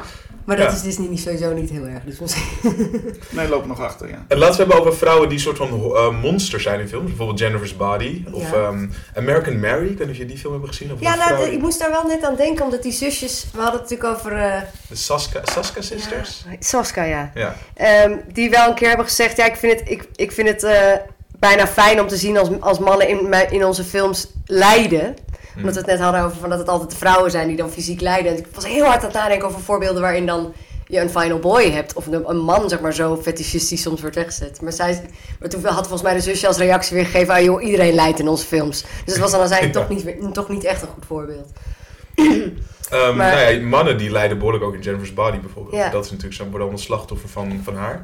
Of Ja. is het meer een film over een vrouw die lijdt? Is dat meer Amanda Seyfried's personage? Ik heb het gevoel dat het heel erg gaat over de relatie tussen, tussen twee vriendinnen. Het is heel lang geleden dat ik hem heb gezien, moet ik zeggen. Maar dat is me vooral bijgebleven. Die relatie tussen die twee Ja. vrouwen. En hoe je in zo'n vriendschap ook ehm, ja, je, je soort aangetrokken voelt tot de ander. Maar het kan ook een, een, een, een problematische relatie worden. Ehm, ja, ik vond dat wel heel interessant hoe, dat, hoe daar een soort hyperbol van gemaakt was. En de horror letterlijk van was gemaakt. Want over dat lijden vind ik wel interessant. Daar heb ik laatst nog een discussie met iemand over gehad over Evil Dead. Dan heb je Evil Dead 2 en iedereen geniet ervan dat Bruce Campbell alle, echt alle kanten op geslingerd wordt. En hij krijgt alles naar zijn hoofd en het wordt bijna slapstick. Iedereen vindt dat leuk. En toen heb ik me ook eens een keer de vraag gesteld, wat als Bruce Campbell vervangen zou worden door een vrouw? Is dat dan nog steeds leuk om naar te kijken. En in de remake hebben ze dat natuurlijk een beetje gedaan. Ja. Een hoofdrolspeelster die heel veel te verduren krijgt. En op een of andere manier voor Mark kan het ook komisch. Op een of andere manier vind ik het ook niet leuk om te kijken naar een vrouw die heel veel naar de hoofd gestingerd krijgt en eh, pijn lijdt of zo. Terwijl Maar- bij een man kun je er nog al, eh, genoeg, genoeg horrorpersonages die krijgen alles naar hun hoofd en blijft het grappig. Het hangt ook, denk ik, van de vrouw af. Het hangt vanaf wat voor soort type dat is. En eh, ja, dat, ik denk dat het daar ook heel erg mee te maken heeft. Zou je een vrouwelijke, vrouwelijke Ash kunnen voorstellen van Evil Dead? Dus iemand die echt alle kanten op geslingerd wordt. Ja, en... zeker. Ik weet het even niet. Dit is zo 1, 2, 3. Maar ik denk dat die er wel is hoor. Gewoon toch een beetje wat. Niet dat ik wil zeggen dat ze heel per se fors moet zijn. Maar wel een wat robuustere vrouw. Met een beetje een, een soort uitstraling van. Nou, ik kan het hebben. Dat, Mhm. dan, dat kan ik me wel Een soort voorstellen. Amy Schumer. Nou, Ja. niet Amy Schumer. Nee, die, die niet. Maar wel, wel een beetje humor in de, in, weet je, een, een, in de uitstraling, zeg maar. Nou, ik zie het wel voor me. Maar niet een, een deerne. Dat is dan weer niet leuk. Maar het is misschien wel het gevaar van dat het zo vaak niet op een goede manier in beeld is gebracht. Dat het heel moeilijk is om daar op een, om op een luchtige manier met het vrouwelijk lichaam zo om te gaan. Het is best wel jammer eigenlijk dat dat, niet, dat dat moeilijker zou zijn nu. Want dat moet wel kunnen. Ja, Ja. toch? Als je Ja. in principe een personage hebt en die krijgt een, eh, of die, die krijgt een stomp of die krijgt iets naar zijn hoofd. En in die sfeer is het bij een man grappig. Dat het bij een vrouw dan niet grappig is. Omdat het gewoon niet leuk is om een vrouw een stomp te zien krijgen. Nee. En een man wel. Ja, het is gewoon heel beladen. Het is een heel beladen iets. Zelfs al, al kan je zeggen van, nou, vrouwen zijn ook fysiek sterk. Zijn niet per se altijd heel zwak of zo. En toch is het, het is gewoon heel beladen. Het is inderdaad niet leuk om te zien. Het hangt er vanaf wat voor geweld en wat voor vrouw. Dat denk ik wel echt. Kijk, als je als inderdaad een stomp in het gezicht, dat is gewoon, denk ik, te heftig. Maar eh, valt van de trap of zo, dat, nou, dat kan, dat is grappig. Dat is gewoon grappig. Dat is grappig. Ja, precies. overkomt. Ja. En zien jullie wel eens eh, vrouwelijke personages die te veel een slachtoffer zijn? Dat je echt denkt, jezus meid, kom op, eh, pak eventjes... Ik denk, moet nu zelf heel erg denken aan It Follows, waarbij ik het hoofdpersonage eigenlijk vrij passief vond. Dat ik echt op een gegeven moment dacht, ja, ja, dat had ik ook wel een beetje met haar, ja. terwijl ik haar heel tof volgens mij wel vind. Maar en, Ja. en, en The Witch is ook iemand die eigenlijk heel erg het, het, het, die hele paranoia en dat het allemaal heel erg ondergaat. Zij is Maar niet Ja, maar bij absoluut Witch, bij, bij het Witch zit er zoveel uitleg. Snap je zo goed waarom ze dat doet. En Ja. dat ook haar situatie zo onmogelijk is eigenlijk. En ze daar vast zit en op die locatie zit en met die ouders. En het, dat ik bij haar geen seconde zoiets had van ik, ik zou dat anders doen of zo. Ik begreep eigenlijk al haar stappen wel heel goed. Ja. Ja, ik vond haar ook wel. Zij is wel goed gecast ook. Want Mhm. zij heeft gewoon wel een goede uitstraling. Zij is zo iemand waarvan ik denk, ja, die kan dat wel. Die heeft. Nou, Je soort ziet, dat ze weerbare van binnen, ja, uitstraling. ze- je ziet dat ze van binnen helemaal niet eh, geen softie is eigenlijk. Nee. Wat is, wat is Split? Heeft zij weer die rol eigenlijk? Hmm. Zij ook degene, zij worden dan ontvoerd met twee vriendinnen. Door Ja. een man met die meerdere persoonlijkheden. En zij is eigenlijk degene die constant de plannen maakt. Gewoon, kijk, kom op meiden, we gaan nu dat doen. We gaan nu proberen te ontsnappen. Jullie moeten nu doen alsof je flauw wordt. Op een gegeven moment wordt één meisje gepakt. En dan zegt zij, plas in je broek, plas in je broek. Want dan kan hij niet meer, want ze denken nog dat hij hun gaat verkrachten. Dat zijn Hmm. best wel, zij is constant bezig met de volgende stap. En Ja. niet het slachtoffer Zij zijn. is ook heel goed gecast in die rol, vind ik. Ze Ja. was heel intrigerend ook. Ja. eh. Ja, maar het is die pinterheid en dat zit Ja. inderdaad ook heel erg in, hoe- in hoe een actrice, dat is in Berlin Syndrome, is dat is ook, eh, dat, dat zou heel makkelijk ook een film, dat gaat over een meisje die wordt vastgehouden door een, een, een in eerste instantie denkt ze een leuke jongen in een appartement. In Berlijn, nou, dat gaat alleen maar over die relatie tussen hun. En dat zou, daar zat ik wel te denken van als het een mannelijke regisseur was geweest, had je misschien iets meer nare scènes gezien waarin hij gebruik van haar maakt of haar seksueel intimideert. Want je weet zeker dat dat natuurlijk gebeurt. Ja. Maar dat zie je niet, bijna niet. Ehm, en zij, al haar stappen, zij pakt het zo slim aan. Omdat ze, en ze pakt het ook zo menselijk. En eh, zeg maar, als ze zich al laat gebruiken, dan weet je dat het ook is omdat ze of niks anders kan, of omdat ze aan het wachten is tot het moment dat ze wel wat kan doen. Dus het is, het is daardoor een des te sterkere vrouw. Terwijl ze totaal. Het is niet zo dat ze alleen maar van zich afbijt of zo. Ja. Maar je hebt toch het gevoel dat als ze dat niet doet, dat dat met een reden is. En dat snap je dus wel. Je kan daar wel heel erg goed bij blijven. Ja. Maar ook dus de keuze van de regisseur dat het niet heel erg expliciet in beeld wordt gebracht wat die jongen allemaal doet met haar. Ja, omdat ik denk dat je dan meteen zo'n karakter ook on- bijna een beetje ondermijnt. Dat het dan Wat- te heftig wordt. Want als je dan naar, toevallig heb ik laatst weer eens Irreversibele gekeken. Daar is natuurlijk een vrouw die behoorlijk wat ondergaat. Mhm. Vind je dat dan heftig als, de- als een, dat alles zo heftig in beeld wordt gebracht? Vind je dat, vind je, het is niet fijn om naar te kijken, dat is een rare Nee. vraag. Nee, Maar ja, hoe, nee. hoe kijk je naar zo'n film? Ehm, nou, dat is wel een heel andere insteek. Dan, ik bedoel, het is ook minder op het, op het karakter gestoeld dan op de emoties die daarbij horen of zo, irreversibele. Ehm voor mensen die dat niet hebben gezien, het gaat over een vrouw. Het is een verkrachtingsscène van volgens mij 18 minuten. Ja. Waarbij je echt gewoon dat van begin tot einde ziet. Ja. ja, en het gaat natuurlijk ook meer over de repercussies van zoiets in iemands leven. En niet alleen maar op, heel erg op haar als persoon, maar ook zeg maar, een breder van hoe alles dan uit elkaar Ja, valt. haar vriend ook. om haar heen, precies. En dit, dit Burning Syndrome is echt ook een karakterschets van iemands psyche of zo. En hoe je, die, hoe je sterk kan blijven of zo in zo'n situatie. Dus het is wel een, wel een andere approach. Ik vind namelijk dat je soms wel gewoon dingen mag, mag laten zien. Maar Irreversibele is natuurlijk ook een... Is wat dat betreft niet, zo'n, eh, niet een verhaal wat, wat al heel vaak is verteld. Een Burning Syndrome is eigenlijk een scenario wat je wel kent. Ja, En daarom is juist de, de manier waarop dat dan wordt gepresenteerd is wel heel interessant. cool. Om er gewoon een andere draai aan te geven. Want als, hij wel, als je wel gewoon het, als, als het wel alleen maar exploitatie zou zijn, gewoon denk je, ja, dit, dit heb ik dus al gezien. En wat voegt dat toe? Ja. Wil ik dat nog een keer zien? Nee. Vrouwelijke superhelden. Eh, Superwoman. Wonder Woman, sorry, Superwoman. Zou het ook moeten maken. Eh, wat vind je daar dan? Eh Bas, ik vroeg net al even in de... Ja, ik, Kijk je er naar uit? Nee, niet per se. Ik, nou ja, kijk, als de recensies geweldig zijn, dan ga ik erheen natuurlijk. Maar ik, het is niet een film waar ik op zit te wachten. Ik vind, maar ik vind superhelden sowieso niet heel interessant. Nou, vaak zijn ook de villains sowieso interessanter. Want superhelden zijn gewoon dit. Vrouwelijke villains, zitten die ook in superheldenfilms? Ik Ben even, kijk even naar Jasper, die weet dat soort dingen. Of vrouwelijke villains. Ja. Jij, een heel slecht voorbeeld is Batman en Robin met Uma Thurman. Nou, eh, eh, Poison Ivy. Ja, die inderdaad. Ja, maar dat is een heel slecht voorbeeld. Maar het is het eerste voorbeeld wat in me te binnen schoot. Maar, ehm, Eh, Suicide Squad. eh, ja, Harley Harley Quinn. Quinn. eh, ja, maar die was in die film niet per se de villain. Was ook een beetje de good girl, toch? Van de, van de film in ieder geval. Hmm, Dus de heldin van de film. In ieder geval is niet de tegenpol van een superheld in die film, toch? Nee, dat is waar. Maar wat jij noemde met, want je hebt het dan over superheldenfilm, maar wel in een andere genre, zeg maar niet superhelden, zijn vrouwen wel fantastische villains. Ja. Ja. Kathy Bates is, is uh, dat, dat is bijna geen man die daaraan kan tippen. aan Zo eng te zijn, toch? Sharon Nee, dat- Stone in Basic Instinct. Maar Ja. dat zijn er wel altijd een beetje. Dat, het zijn wel vaak gek, vrouwen die gewoon een beetje, een beetje gek zijn. En ook wel een beetje hysterisch vaak. Nou, Niet of altijd. heel berekenend. Oh, Heel... Niet dat daar iets mis mee is hoor, overigens. En Nee, bijvoorbeeld in helemaal de, de, The Hand That Rocks the Cradle. Zo'n zo'n zo'n Mhm. personage die, oh, Dat die is is Rebecca de zo... Mornay of zo, toch? Ja. Ja, die, die is zo, zo eng, omdat het zo gniepig is. En dan heb ik bijna zoiets van, dat zou een man dus nooit kunnen. Zo, Ja. zo angstaanjagend gniepig en echt zijn. Ik denk dat vrouwen veel enger kunnen zijn dan mannen. Daar ben ik ook wel echt wel van overtuigd. Ja, single white female hadden we het een tijdje terug nog over. Dat is ook echt. eh, dat is, en dat is ook dan heel erg zo die relatie tussen die, die twee vrouwen. Een beetje Jennifer's Body-achtig. Hoe, hoe zo'n vrouw dan helemaal dat leven overneemt. Dat is gewoon, dat is op, op de realiteit gestoeld. En dat maakt het zo eng. En ze speelt dat zo goed. Ja, want dat, dat zou de man inderdaad nooit doen. Ik bedoel, het is niet zo dat je een, dat je een film hebt over een mannelijke stalker. Ja, ja? Nou, ik heb me laatst verdiept in eh, Tom Ripley, het personage. Oh ja, tuurlijk, voor Ripley's En- Game. Ja, en in het, eh, in het eerste boek, eh, dan wel de film, zoals The Talented Mr. Ripley eh, met Matt Damon, daar is hij wel heel erg. ehm, eh, dus het Matt Damon personage, zeg maar, als ik die film als voorbeeld neem, die, die wil heel graag het Jude Law personage zijn, Dickie Dat Greenleaf. weet ik, ja. En die, het is ook een beetje homoerotisch. Van valt hij nou op hem? En in het boek wordt dat echt letterlijk ook eh, naar voren gebracht. Maar hij wil hem eigenlijk gewoon zijn. Hij wil die persoon zijn. Hij gaat helemaal zich zo kleden en zo. Dus dat is heel erg single white female. Oh, En heel, heel sterk, ook heel naar. Want op een gegeven moment... Nou, ik zal niks spoilen. Ik spoil niks. Maar, eh, maar terug naar de vrouwen.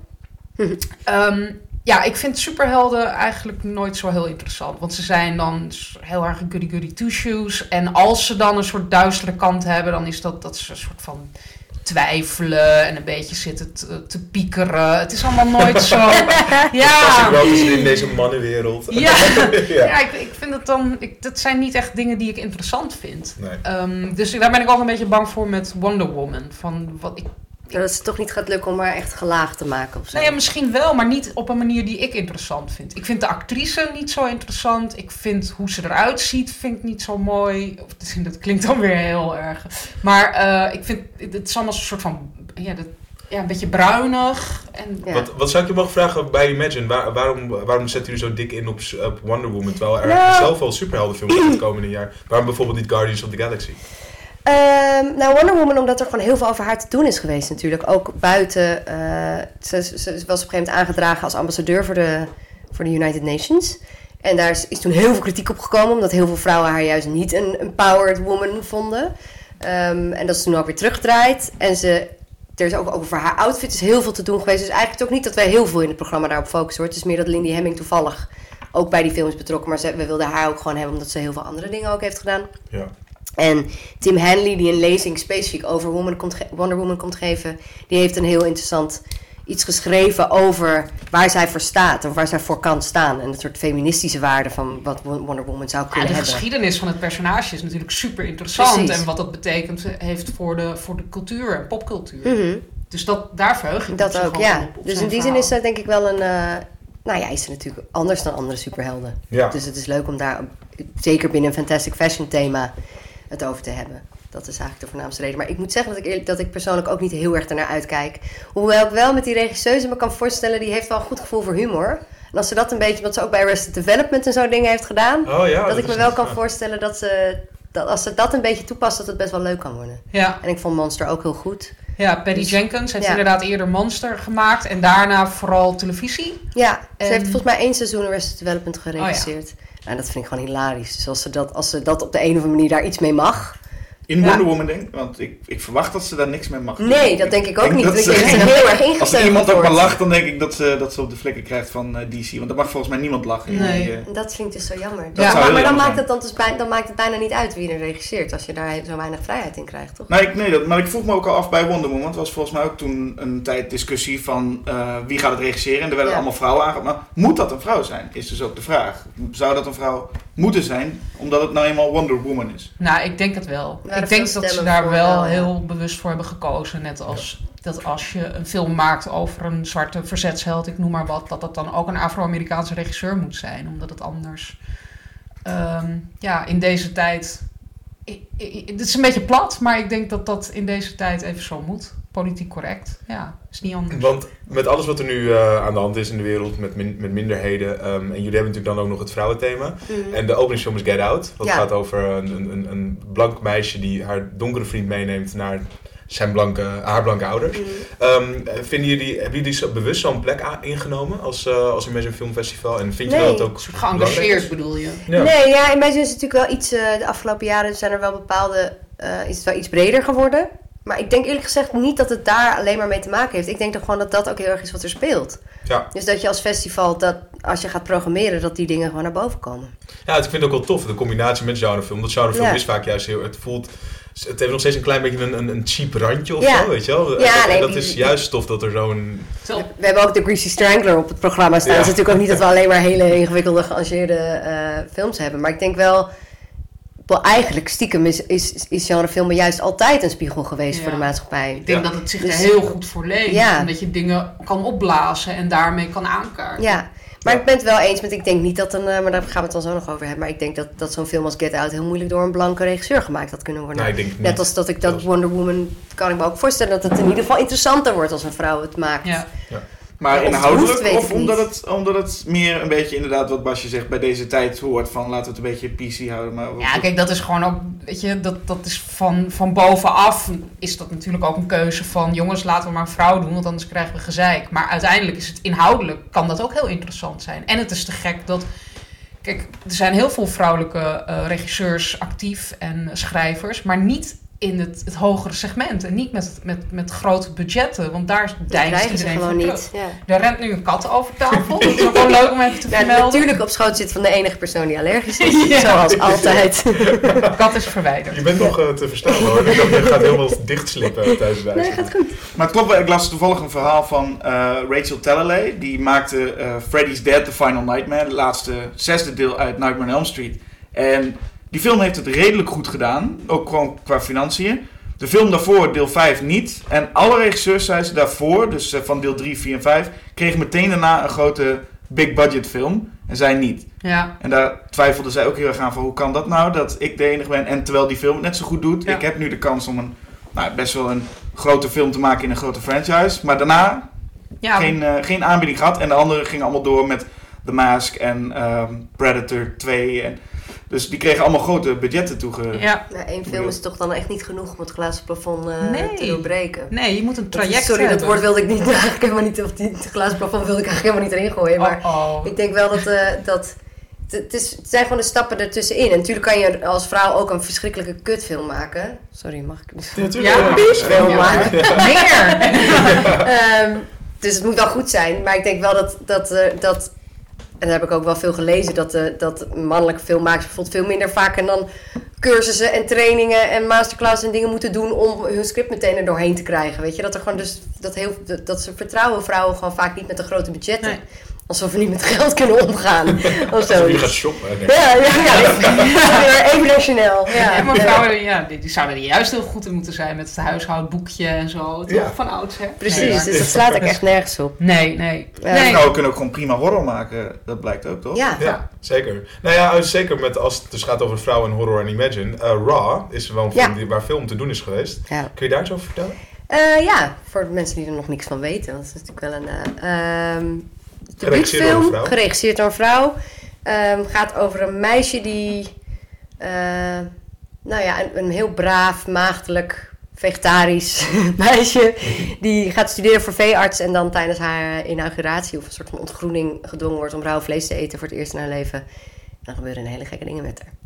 Ehm, Cannibalistisch randje? Cannibalistisch randje, zeker. Eh, en schuwt ook totaal niet om dat echt heel realistisch in beeld te brengen. Dus er schijnen inderdaad mensen te zijn flauwgevallen. Dat in Canada. De, de, de, krantenbericht Ja, dat kan ik me niet helemaal voorstellen. Maar ik denk dat dat ook misschien wel zit in dat hij niet zo, misschien niet genoeg zo werd gepresenteerd of zo. Dat mensen toch. Want het is ook eigenlijk. Het is een randgeval. Het is natuurlijk. Het is wel degelijk een horrorfilm, maar het is ook gewoon een coming of age. Een heel mooi arthouse coming of age verhaal. Ja. in essentie. Ik vond hem echt, eh, echt prachtig. Maar het gaat, en het gaat, het gaat eigenlijk gewoon ook over seks. ja. Ja? Of over lust. Of Oh. over hoe je ontluikt als jonge vrouw. Hm. Eh, en ja, daar zal... Dat, Toch weer een rood kapje. Toch weer dat kapje, op een bepaalde manier, zeker. En ehm, ik, in hoeverre... Nou, ik kan me wel voorstellen dat, die, dat het feit dat het een vrouwelijke regisseur is... natuurlijk wel dat verhaal heel herkenbaar maakt. Hoewel ik dan ook natuurlijk meteen aan Carrie moet denken, inderdaad. En denk nog Stephen King, nog Brian De Palma zijn vrouw. Dus het hoeft niet zo te zijn dat als je het hebt over volwassen worden als, eh, als jong meisje... dat je dan per se een vrouw moet zijn. Maar in, Nee. dit, in deze film wordt het in ieder geval heel... ehm, nou, met heel veel respect ook of zo in Ja. beeld gebracht. En eh, ja, gaan zien. Dat is wel echt Cool. een typisch voorbeeld van, van dat het eigenlijk dat het over iets heel anders gaat. En dat het het cannibalisme thema had. Dat is echt alleen maar een soort eh, een kapstok om het dan op te hangen. Ja. Ja. En andere films? Heb je nog een paar, een paar tips? Die, Ja, Skins had ik al genoemd. Ehm, Always Shine is ook in het, in, althans als, als we het over vrouwenfilms hebben. Eh, ook een mooie. Gaat over twee vriendinnen die. eh, Mag, je mag ook mannenfilms noemen. ja, precies. dat mag ook, hè? Ehm, is- Shine gaat over twee vriendinnen? Twee vriendinnen die, die een weekend weggaan. En eh, nou ja, eigenlijk ook wel echt een vrouwenfilm, maar ook een verschrikkelijk nare film. Ook. Ja, zij haat elkaar een beetje. Zij haat elkaar eigenlijk. Ze Zijn vriendinnen tegen wil en dank. Twee actrices en de een heeft wel succes en de andere niet. Ja. En de een vindt eigenlijk de andere een hoer en de andere... Maar het gaat eigenlijk over, over hoe je als vrouw... Dus dat is wel, dat, dat wel een heel interessant thema. Hoe je, hoe je op verschillende manieren je, eh, jezelf krachtig kan maken. Dus er zijn natuurlijk ook verschillende school- schools of thought in. Van je kan enerzijds juist je lichaam toepassen. Je zegt van nou je hebt dat nou eenmaal. dus zet het ja, weet je, zet het in. Dat is je kracht als vrouw. En een van die meisjes vertegen, vertegenwoordigt dat heel erg. Van, dat, van oké, als je als vrouw dan toch daarmee bent geboren, better use it right of zo. En dan kom je hoger op. Ehm, en de andere is het daar helemaal niet mee eens. Die vindt juist die, dat, je, dat je gewoon compleet dat voorbij moet gaan. En dat je op basis van andere dingen evenveel recht zou moeten hebben. Dus dat eh, levert wel een interessante... En, en ook gewoon die... Wat je wel als vrouw zal herkennen, toch dat soort jal- jaloezie, waarvan ik toch wel het idee heb dat bij mijn, mijn mannen wel vaak iets minder aanwezig is. Ook onderling tussen vriendinnen en tussen vrouwen. Nou, dat gaat daar helemaal mis. Oh, top. Leuk. Eh, maar heel, ook heel mooi gedaan. Ehm, Nog één ja. tip. Nog eentje. Behalve Dario Argento. Dario Argento. Die, die komt. eh, nou, Heksen. Heksen, ja. Ben ik heel blij mee dat we die eh, gaan vertonen. Ook omdat dat echt een, een tijdsbeeld is. Dus het... De, Ja, want het is een pseudo-documentaire. het is eigenlijk een soort de eerste mockumentary. 22 Is het, of zo. 1922, ja. toch? 1922, een van de grootste Zweedse producties ooit. En eh, het kost ontzettend veel geld. En het is, dus, het is een doc, het is hij presenteert het als een documentaire, maar er zitten ook fictionele elementen in. Dus ik zat om te kijken, dacht ik, het is gewoon een mockumentary. En Ja. werd toen gewoon nog niet zo genoemd. Ehm, en aan het eind, hij, hij beschrijft eigenlijk de geschiedenis van, van witchcraft en van de heksenjachten. Ehm, en eind geeft hij een soort verklaring voor dat die vrouwen daar waarschijnlijk wel gewoon hysterisch waren. Maar dat is natuurlijk gemaakt in de tijd dat dat het antwoord was. Ja. ja, ja. Nou, dan zullen ze wel, dan moeten ze gewoon even eh, kunstmatig een orgasmetje geven, dan komt het wel goed. Ja. Maar dat, en dat is, nu, dat is nu natuurlijk ook heel erg gedateerd. Dus daardoor is die Ja. film ook heel interessant om te kijken. En gewoon echt heel mooi gemaakt. Ja. Heel, eh, en die jongens van Kinetophone die een live soundtrack doen, die eh, maken ook een paar hele gewaagde keuzes, waardoor ze het heel erg in het nu zetten. Een paar covers van hedendaagse nummers en eh, Ja, want elektronische er is dus live muziek bij. Ja. Er staat echt gewoon een, een band voor, de, voor het scherm, zeg Ja. maar. Of onder het scherm. En Ja. eh, dus cin- cinema-concert. Ja, en we hebben twee, we hebben een Aussie double bill voor de echte horrorliefhebbers. Die is die ook wel, dat, die zijn wel allebei door een man gemaakt. En die zijn eh, Wel, hoe heet die film? Hounds of Love is eentje. En ehm, de andere heet Killing Ground. Nou, dat, die zijn ja, echt unforgiving. Ja, Echt heel heftig, maar wel heel goed gedaan. Heel cool. Ehm, Leuk, nog even Ja. over, over een, ik wil, wil even één theorie bij jullie chat testen. Het gaat helemaal niet over waar we, ja we hebben het wel een beetje, het gaat wel over een vrouw en ook over een want we hadden het net over heksen. Ik ben heel benieuwd of jullie het, eh, en als het niet boeiend is, dan knippen we het gewoon uit. Maar ik zat laatst nog op een feestje en toen hadden we het over de Blair Witch Project. Nou, er zit natuurlijk een vrouw in die, eh, die, heel erg, eh, nou, die heel erg prominent aanwezig is. En die jongen die beweerde dat de Blair Witch Pro- Project eigenlijk gaat over twee jongens die een vrouw een bos in willen meelokken om haar daar te verkrachten en te vermoorden. En dat ook het moment dat de ene jongen Oh. verdwijnt, eh, Joshua, dat, ehm, dat het allemaal in scène is gezet. Dus dat, hij, dat het helemaal een samenspel is tussen die twee jongens en dat ze haar eigenlijk gewoon willen vermoorden. Dat het ook aan het einde gebeurt. Dat dat dus ook is hoe ze, hoe ze haar in dat huis inlokken. Wat vinden jullie daarvan? Dat Ja, zette dat mijn, mijn hele... gekeken. Nee, Mijn hele ja, ver, ja? Maar wel interessant. Nou, is het niet dan de meest omslachtige manier voor hen om dat te doen? Want Ja. hadden ze dan niet al veel eerder... Even praktisch. Ik weet het niet. Ja, ik, ik, ik, ik heb er gewoon nog wel een paar dagen over na zitten denken. Hun idee was dan om dat meisje mee te nemen en dan ook zelf een aantal dagen door zo'n bos te gaan, terwijl ze ook Ja. Ja, maar misschien is die jacht is ook onderdeel van de lol. Ja, Om haar zo... Eerst heel bang te maken en Ja. met die poppetjes en de... Het zou heel ziek zijn. Ja. en het vastleggen. En dan Ziek. zouden Ook dat je dat bedenkt, vind ik heel ziek. Toch? Ja, nee, ik heb het zelf niet bedacht. Ja, ik ja. heb wel, maar ik stond op een verjaardag. Nee, grapje. Ehm, ja, nee, oké. Dat, eh, dat was even een, eh, het laatste dingetje. Nou, op Wonder Woman moeten we nog wachten tot 2 juni. En Imagine vindt plaats van 12 tot en met 22 april in AI in Amsterdam. En eh, de kaartverkoop is gestart.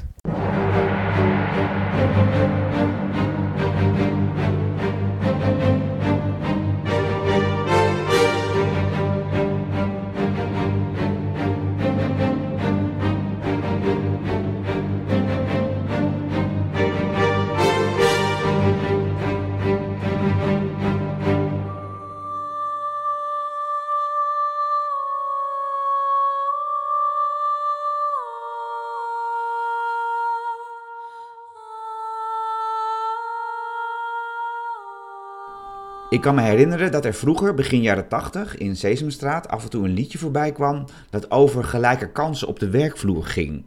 Of in ieder geval dat vrouwen net zo goed waren als mannen. Bij de politie of het bestuurder van de bus, wij kunnen alles de moeilijkste klus, zongen de vrouwelijke poppen. Als het om gelijke kansen gaat, zijn er in bepaalde beroepsgroepen en industrieën sinds die tijd inderdaad grote stappen in de goede richting gezet. Echter niet in de filmindustrie. En de afdeling filmmuziek spant helaas de kroon. Even wat cijfers uit Amerika. Als je kijkt naar de 250 best bezochte films van de afgelopen drie jaar, dan was 2% van de betrokken filmmuziekcomponisten vrouw. Ter vergelijking, het percentage vrouwelijke regisseurs was 7%. En sinds de invoering van de Oscars voor de beste muziek, ruim 80 jaar geleden, werden slechts 7 vrouwen in een van de muziekcategorieën genomineerd. Twee wonnen er daadwerkelijk ook een Oscar. Rachel Portman voor Emma en Anne Dudley voor The Full Monty.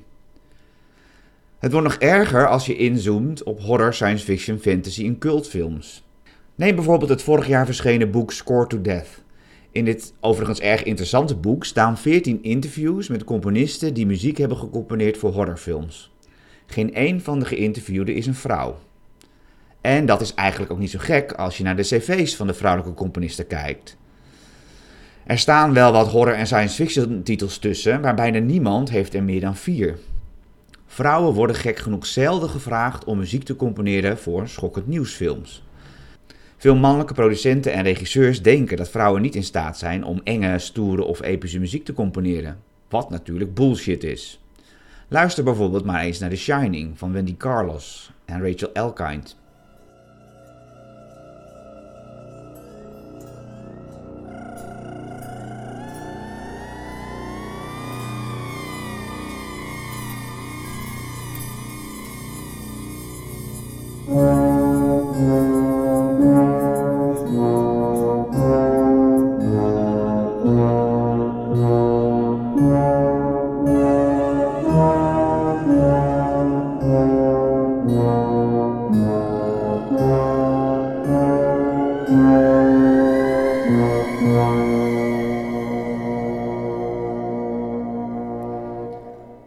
Islands of the Lost Souls van Jane Cornish.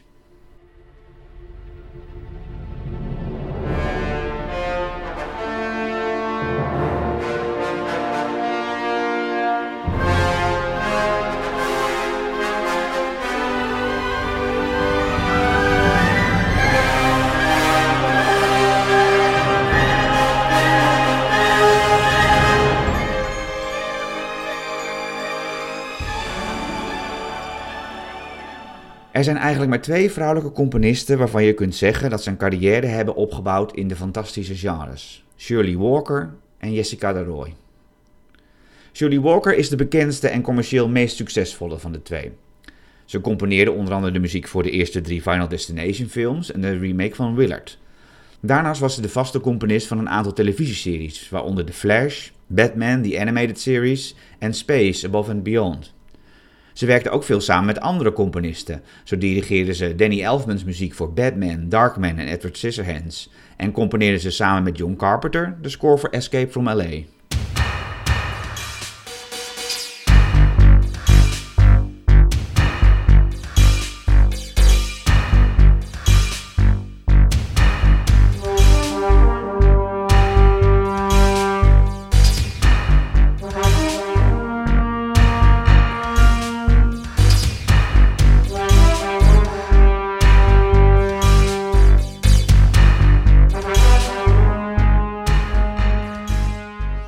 Shirley Walker leeft echter helaas niet meer. Ze overleed in 2006 op 61-jarige leeftijd aan een beroerte. Blijft over Jessica de Roy. De Roy komt uit Duitsland, maar haalde haar bachelor aan het conservatorium in Utrecht. Hier componeerde ze tevens een van haar eerste filmscores voor de korte animatiefilm Poes en de Maan in 2005. In datzelfde jaar assisteerde ze componist Henning Leuner bij het componeren van de score voor Blood Rain van Uwe Bol. Het jaar daarop huurde Bol de Roy in om de muziek te schrijven voor Seed, en sinds die tijd is Jessica de Roy Uwe Bols vaste componist en componeerde ze de muziek voor al zijn films, met uitzondering van The Final Storm. De kwaliteit van Bols films varieert nogal, maar de muziek van de Roy is echter altijd verrassend goed.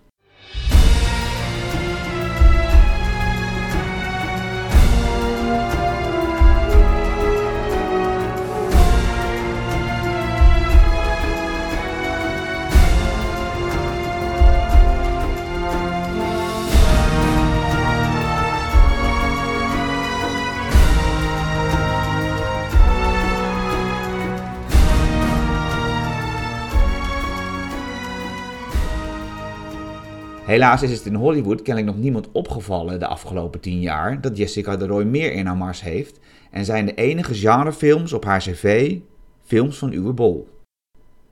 Volgens Laura Cartman, een van de oprichters van de Alliance for Women Film Composers, begint de taaien nu gelukkig wel langzaam te keren. In een interview met IndieWire zei ze vorig jaar dat er nu eindelijk gepraat wordt en men durft te erkennen dat de verhouding scheef is. De afgelopen twee jaar zijn de kansen voor vrouwelijke componisten daardoor wel degelijk wat verbeterd. Er is dus hoop. Ook voor de vaste componist van Uwe Bol.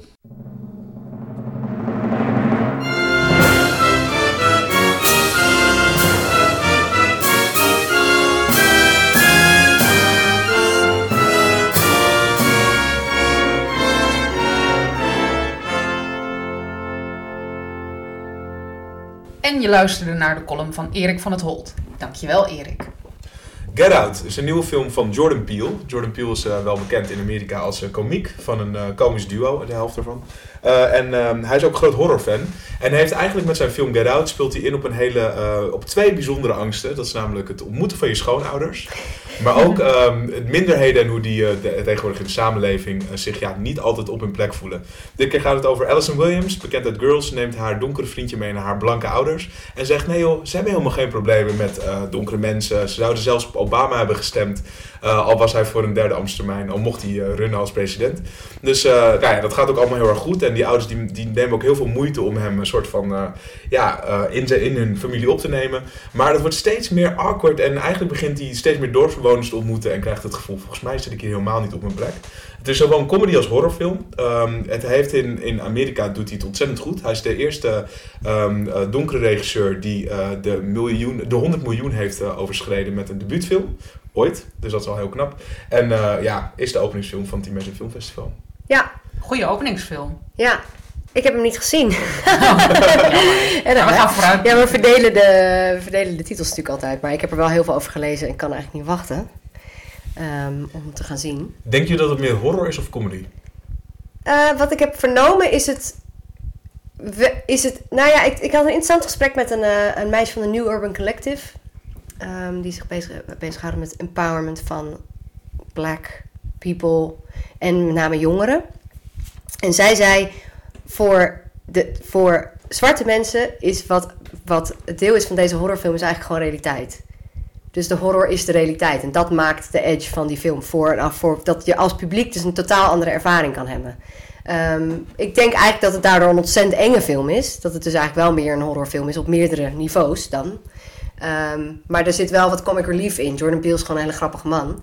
En ik kan me voorstellen dat dat de enige manier is dat je zo'n verhaal ook een beetje kan vertellen. Want anders wordt het ontzettend zwaar. De ja. thema's die hij aansnijdt zijn natuurlijk helemaal niet om te lachen. Maar als je het, um, ik bedoel, de, de, trailers bekijkt. Ik, ik heb in ieder geval de trailer gezien waarbij ik geen moment ergens kan zien van hier zit, of daar gaat de humor in zitten. Of hier, of heb, heb, heb Nee, die trailer ziet er eigenlijk verschrikkelijk eng uit vooral, hè? Ja, ik heb nergens ja. een, een, stukje humor gezien waarvan ik dacht, oh, dit zal de soort humor worden. Dus ja, blijkbaar de, de beste vriend van, de hoofd, van het hoofdpersonage is de comic relief. En die zit en die komt best wel vaak terug in de film. Dus die, die schijnt ervoor te zorgen dat je gewoon af en toe even... Oké, okay, maar dan net zoals je in de meeste horrorfilms wel gewoon even op adem kan komen in een comic relief. Maar het, het is achter mij voornamelijk uit als echt een horrorfilm. Nou, maar ik bedoel bijvoorbeeld ook hoe die ouders um, uh, weet je, het, het, gesprek voeren met hem van... joh, hoe lang zijn jullie aan het daten? En how long is this thing been going on? dat is natuurlijk ook al een bepaalde slang die dan soort van blanke mensen proberen over te nemen... om zich te laten zien ja. dat ze zich super conformeren aan de ja. zwarte cultuur. White liberals. En dat zijn natuurlijk grappige situaties, kan dat opleveren. Ik denk dat het, dat het, dat het op, op zoveel niveaus dan zowel heel eng op verschillende niveaus, als waarschijnlijk ook wel grappig op verschillende niveaus kan zijn. Want ik kan me ook voorstellen dat je als white upper class juist die dingen misschien helemaal niet grappig vindt Nee, hoe zij worden weggezet. En dat dat dan weer voor een ander publiek dan weer juist heel, als heel Ja. grappig wordt ervaren. Of juist wel, het is Of wel als je fijn zelfspot hebt, eh, precies. ja. Nou, maar er zijn dat- in Amerika ook wel echt mensen over gevallen. Dat er, Ja. er zijn ook reacties geweest dat het gewoon echt een anti-white film is. Ik begreep ook dat de Ja, dat regisseur ook zich liet inspireren door Eddie Murphy, die in zijn show een soort van stuk had over eh, als hij eh, als donkere jongen bij zijn eh, schoonouders voor het eerst kwam.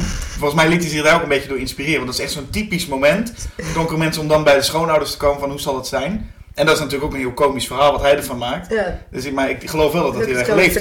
Ja, ik wou net zeggen. Volgens mij gaat die scène daar ook over. Dus een soort van Poitiers moment. En denk je dat dit vooral een film is die het in, juist in Amerika dan heel goed doet en misschien in mindere mate goed doet in Europa, omdat wij hier iets meer, iets liberaler zijn. eh, ja, nou, en ook de zwarte cultuur niet zo groot is als in Amerika? Ik denk, ik denk dat, het, dat het voor iedereen waarschijnlijk heel relevant is, maar dat ik me wel kan voorstellen dat, dat het in Amerika ehm, nu wel heel erg Ja, op zijn plek op valt zijn plek valt. Ja. Precies. En dat het op, die, op die, misschien, die manier misschien daar nog meer aanspraak krijgt. Maar tegelijkertijd denk ik, ja, wat, joh, wat er hier in Nederland nu natuurlijk ook allemaal gaan is, het speelt hier ook heel erg. Dat is waar. Ehm, maar we zijn wel op een, we zijn natuurlijk op, op, op je eigen sporen zijn die landen daarmee bezig. Dus de ene is, is al hier en de andere is, daar, is al Ja. daar. En ik denk dat Nederland juist misschien in sommige opzichten ook weer nog verder achter is op Amerika. Ehm, dus misschien dat het in ieder land een andere lading krijgt. Ja. Een ander element waar we het net ook al over hadden. Als deze poster van de film oh, langs de bioscoop hangt, denk ik niet dat er heel veel mensen per se op afkomen. De Nee, poster is de niet poster is- bepaald een, eh, Ja, het is een hele een heel gek, poster. hele gekke poster. Je hebt Je geen ziet- idee ook wat voor film Je dan zo- moet verwachten. Ja, je ziet een soort van een innige omhelzing. En je ziet mensen lachend. En het is een, maar ook heel een lelijke Ik vraag poster. me nog steeds af of dat dus bewust gedaan is. Omdat het, erboven zitten een paar plaatjes van inderdaad die omhelzing en dat lachen. Dat je denkt, wat, wat voor vage drama, va- vaag drama is dit? Ja, Maar het zou dus ook wel kunnen, want het is volgens mij ook een film die dus totaal alle genreconventies aan zijn Voorbij laars lapt. Want het is, valt gewoon niet echt te categoriseren. Iedereen vraagt zich, is het een comedy? Is het een eh, sociale eh, aanklacht? Is het een horror? Dus is het allemaal? Dus ik denk dat het hier ook heel veel moet doen van mond op mond. Dat iemand hem gaat zien en dan zegt, oh wauw, die film Die bij- met die gekke poster, die moet je zien. En zo hebben we het er nu over. Want ik weet dat Tim vorige, vorige keer nog zei van, hey, die film die 99% op Rotten Tomatoes had geloof ik. Dat je het op Ja. die manier, Eerst 100. zo krijg je er ergens Ja. van te horen. ja. En dan denk je, oh, dat moet dan wel iets bijzonders zijn. En zo gaat dat balletje rollen. Maar de trailer is, was sterk, maar niet... Echt niet, niet dat ik echt dacht, dit is een meesterwerk of zo. Nee. En die Nee. Nee, ik heb ook. dat, dat ook. En de titel vind ik echt Ja, zo- super willekeurig. eh, ja. titel. Maar misschien is het allemaal heel slim bedacht. Nou ja- je gewoon van de genres van comedy en horror die natuurlijk het, die, die een grote doelgroep Ja, aanspreken gebruiken om dan zo'n verhaal te vertellen. Ja, maar ja, ik vind dat het, het voelt allemaal heel erg zo middle of the road. En dan inderdaad, eh, als je dan hoort van nee, maar het is echt heel goed. Daardoor was ik over de streep. Daardoor dacht ik, oh, dit wil ik zien. En eh, je krijgt al die berichten te horen uit Amerika en de blogs en iedereen is eh laaiend enthousiast. Dan word ik ook enthousiast. Maar op basis van titel, poster, trailer had ik dat niet. Ja, de trailer had ik het wel, want die kon ik echt niet plaatsen. Die vond ik ook heel van, wauw, dit kan echt alle kanten op gaan. Ja, dat is wel waar. Ja, precies, dat dat de poster en de titel ook kan. Het, eigenlijk zegt alles wat we nu van Ja. deze film gezien hebben, het kan alle kanten op gaan. Ja. Ja. En dat maakt het jammer dat ik hem niet heb gezien, dat ik niet kan zeggen, ik weet wel welke kant het op gaat. Volgens mij gaat het ontspoort het aan het eind behoorlijk, maar hoe precies is me dan ook nog niet helemaal verteld. Maar dit is ook leuk om op te anticiperen. Ja. Ja, ik ben heel benieuwd inderdaad. Want ja, soms dan wordt iets een soort van hype. En dan heb je gewoon een soort wervelstorm. En dan, dan gaat iedereen daarin mee. En dan merk je dat later mensen toch een beetje zeggen van ja... Of was hij eigenlijk wel zo goed? Dat ze er een beetje op terugkomen. Ehm, dus dat zou ook nog kunnen gebeuren. Zijn er, zijn er soortgelijke films in de genre films gem- gemaakt? En wat bedoel je met soortgelijk? ja, nee, waar, waar ja, moet je naar kijken? is social commentary. Nou ja, hij, ik, volgens mij heeft Jordan Peele, eh, refereert hij vaak aan Rosemary's Baby. Maar moet ik zeggen dat ik niet precies weet waarom. Maar ik dacht wel van, oh ja. nou, het is toch wel een vrouw die, die, die het idee heeft dat iedereen nog maar heen eh, achter haar aan zit. Dat is natuurlijk... Ja, en Rosemary's Baby heeft ook een soort van gelaagdheid daarin. Het is aan de ene kant een straightforward verhaal over een duivelsbaby. Ja. Uh, maar het gaat ook bijvoorbeeld Ja. over, de, over religie heel erg. En over een, een relatie Ja. waarvan de een keihard tegen de ander liegt. En uh, um, nou ja, dus er zit een soort gelaagdheid in. En ik dacht zelf dat hij daarop doelde. Maar dat weet ik niet, want ik heb helemaal niet doorgeklikt. Ik heb het alleen maar Nee. een soort van En als je kijkt naar zien komen. Als je kijkt naar donkere mensen in horrorfilms en maatschappijkritiek, kom je vaak wel snel uit op Night of the Living Dead. Ja, Ja. ja. Maar, ehm, waarin dus een donkere acteur dat, eh, de hoofdrol speelt, wat toen heel eh, nou ja, ongebruikelijk was. Maar nog steeds heel ongebruikelijk is. Dat vind ik ook zo schokkend altijd. aan En die dat, film. ja, en dat het einde ook. Maar wat ik wel grappig vind is dat eh, iedereen nu inderdaad zegt: Oh, het einde en het komt helemaal. En George A. Romero probeerde dit te vertellen. Maar als je George. Romero nu hoort, zegt hij: Ja, nee, deze man kwam binnen op de auditie. En ik dacht: Ja, dit personage heeft geen kleur. En hij was gewoon de beste. En dat is eigenlijk een beetje waar we het zo straks ook over hadden met de vrouwenrollen. En eigenlijk met regisseurs. Eigenlijk zou het zo moeten zijn. Gewoon Ja. wie de beste kandidaat is, moet het krijgen. Mhm. Maar mensen maken er al heel snel van, oh, hier probeerde hij dit mee te vertellen. En ik geloof bij George. Romero ook wel dat hij iets daarmee wilde vertellen. Want het is iemand die veel maatschappijkritiek Ja. in zijn film stopt. Maar uiteindelijk kiest hij gewoon voor de beste acteur. En dat was in dit geval wel een, een Ja, maar man. soms moet, je, soms moet je misschien wel kunstmatige keuzes Ja. maken om iets om verandering teweeg te Ja. brengen. Als het niet vanzelf gaat, blijkbaar. Helaas. Maar ik, kan ik probeer te bedenken, maar ik denk niet dat. Wat zo leuk is hieraan, is dat hij op zo'n grote schaal en zo commercieel ehm, dat ook voor is, elkaar ja. krijgt. Want er zijn natuurlijk er zijn heel veel subversieve en andere verhalen verteld vanuit de afrofuturisme hoek. En, Ja. Maar dat zijn dan vaak hele. Dat worden uiteindelijk heel erg cultfilms, of die komen dan in een heel klein segment uit. Of en dit is. Ja, dit is blijkbaar voor, voor iedereen bedoeld. En dat vind ik wel heel interessant. Ja. Key Peele is natuurlijk een populaire, ze is gewoon een populair duo. En ik denk dat Jordan Peele is dan heel erg heel erg horrorfan. Dus ik, hij heeft het gewoon heel slim, Mhm. slim aangevlogen. Ja. Is deze film En- buiten Amerika te zien Hij komt, eh, na, hij komt wel eind april ook in de Nederlandse bioscopen. maar is hij al maar verder ergens in een andere, een andere plek geweest? Of alleen in Amerika dan? Amerika alleen. Nee, nee, Oké, want het is wel heel interessant wat deze film inderdaad buiten doen. Amerika gaat doen. Ja, Ja, zeker. nou en het verschil ook natuurlijk dat, of althans het, dat heeft Piel zelf ook wel gezegd, van dat hij zich echt specifiek wilde richten op de, het, nee maar wij zijn geen racisten van de upper of middle white class. In plaats van, ik bedoel, er zijn natuurlijk heel veel horrorfilms die met soort rednecks en hillbillies en daar de, de- de- een racistisch thema aansnijden. Ja. Eh, maar niet op, de- niet op deze manier. En hiermee geef je mensen waarschijnlijk ook best wel een ongemakkelijk gevoel. Ja, Daar gaat het natuurlijk de hele tijd over. Van waarom moet er altijd tegen gezegd, nee, huh, maar ik ben dat niet. ja, nou, misschien wel. ja. ja. Dus, eh, ik ben heel En benieuwd. Hebben jullie zijn, hun andere film gezien van uh, Key Peele die vorig jaar uitkomt, Keanu, Nee. over dat katje? Oh ja, dat is van Dat is ook van hun. hun, ja. Die Nee. vond ik dus heel geinig. Ja? Ja, het is heel schattig. Gaat Het is over een korte film. Eh, nee, het is gewoon een eh, speelfilm. Het is gewoon hier niet uitgekomen. Het gaat het is een comedy. Het gaat over, een, eh, over twee vrienden die een, eh, die een katje eh, redden. En eh, ze er zich niet, of tenminste, die, die, daar worden ze helemaal op verliefd en die nemen ze. En die ehm, zich niet realiseren dat het van een van de gangsterbaas is. Die die kat terug wil. En dan wordt het één grote shootout. En ze moeten infiltreren. Het is echt een hele grappige comedy. Heeft ook goede recensies gekregen. Grappig. Nooit uitgekomen hier. Dat is dan toch gek. Ja. Wat leuk.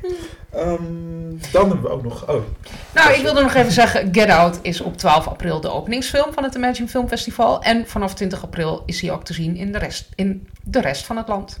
En hij draait nog één keer in het programma. ja, verderop in... eh, Ja. ja. En jullie hebben natuurlijk ook eh, The Night of Terror. Nou ja, eigenlijk niet meer The Night of Terror. The Terror is dead. Vertellen? ja, die heet nu, dit heet dit jaar voor het eerst de Imagine Fright Night. En ik dacht, misschien kan ik wat vertellen over het programma. Ehm, we hebben een nieuwe naam eraan gegeven omdat we met een aantal locaties bezig waren en het nogal lastig bleek om een locatie te vinden, omdat er in voorgaande jaren buiten de zalen onder nogal veel ehm ruckus, hoe weet ik veel, Rumoer. eh, rumoer, een beetje chaos was geweest. Ehm, en sommige mensen daar niet zo heel erg blij over waren. En we natuurlijk wel heel graag willen dat het doorgaat. Mhm. In Amsterdam ook, het liefst. Dus we, hebben, we mogen wel weer in de munt terecht. Eh, maar het heeft een net iets andere opzet. Waardoor we hopen dat het... Dat we focussen ons met name op binnen de zaal. Er mag nog steeds... eh, er mogen nog steeds hele leuke dingen naar het scherm geschreeuwd worden. Iedereen mag helemaal losgaan. Alleen we moeten gewoon ehm daar buiten elkaar gewoon een beetje respectvol behandelen. Dat was volgens mij de grootste insteek. En de En, nieuwe eh, naam hoort daar dan bij. Ja, de nieuwe naam is een beetje een soort van frisse start. Maar tegelijkertijd zijn we natuurlijk... Wie zou, wie zou de basis helemaal willen veranderen? Dat slaat natuurlijk helemaal nergens op. Wij hebben gewoon een heel leuk, trouw horrorpubliek. En we vinden het zelf te gek om een hele nacht... Weet je, Voor de luisteraars die niet weten wat het is. Het is de hele nacht horrorfilms kijken. Eh, maar ook met een beetje een soort karaoke-insteek. Van je mag eigenlijk, normaal gesproken natuurlijk in de bioscoop is iedereen hartstikke serieus en moet iedereen zijn mond houden. Als iemand een zakje chips heeft, dan kan je al eens verwachten. Dat hoeft niet.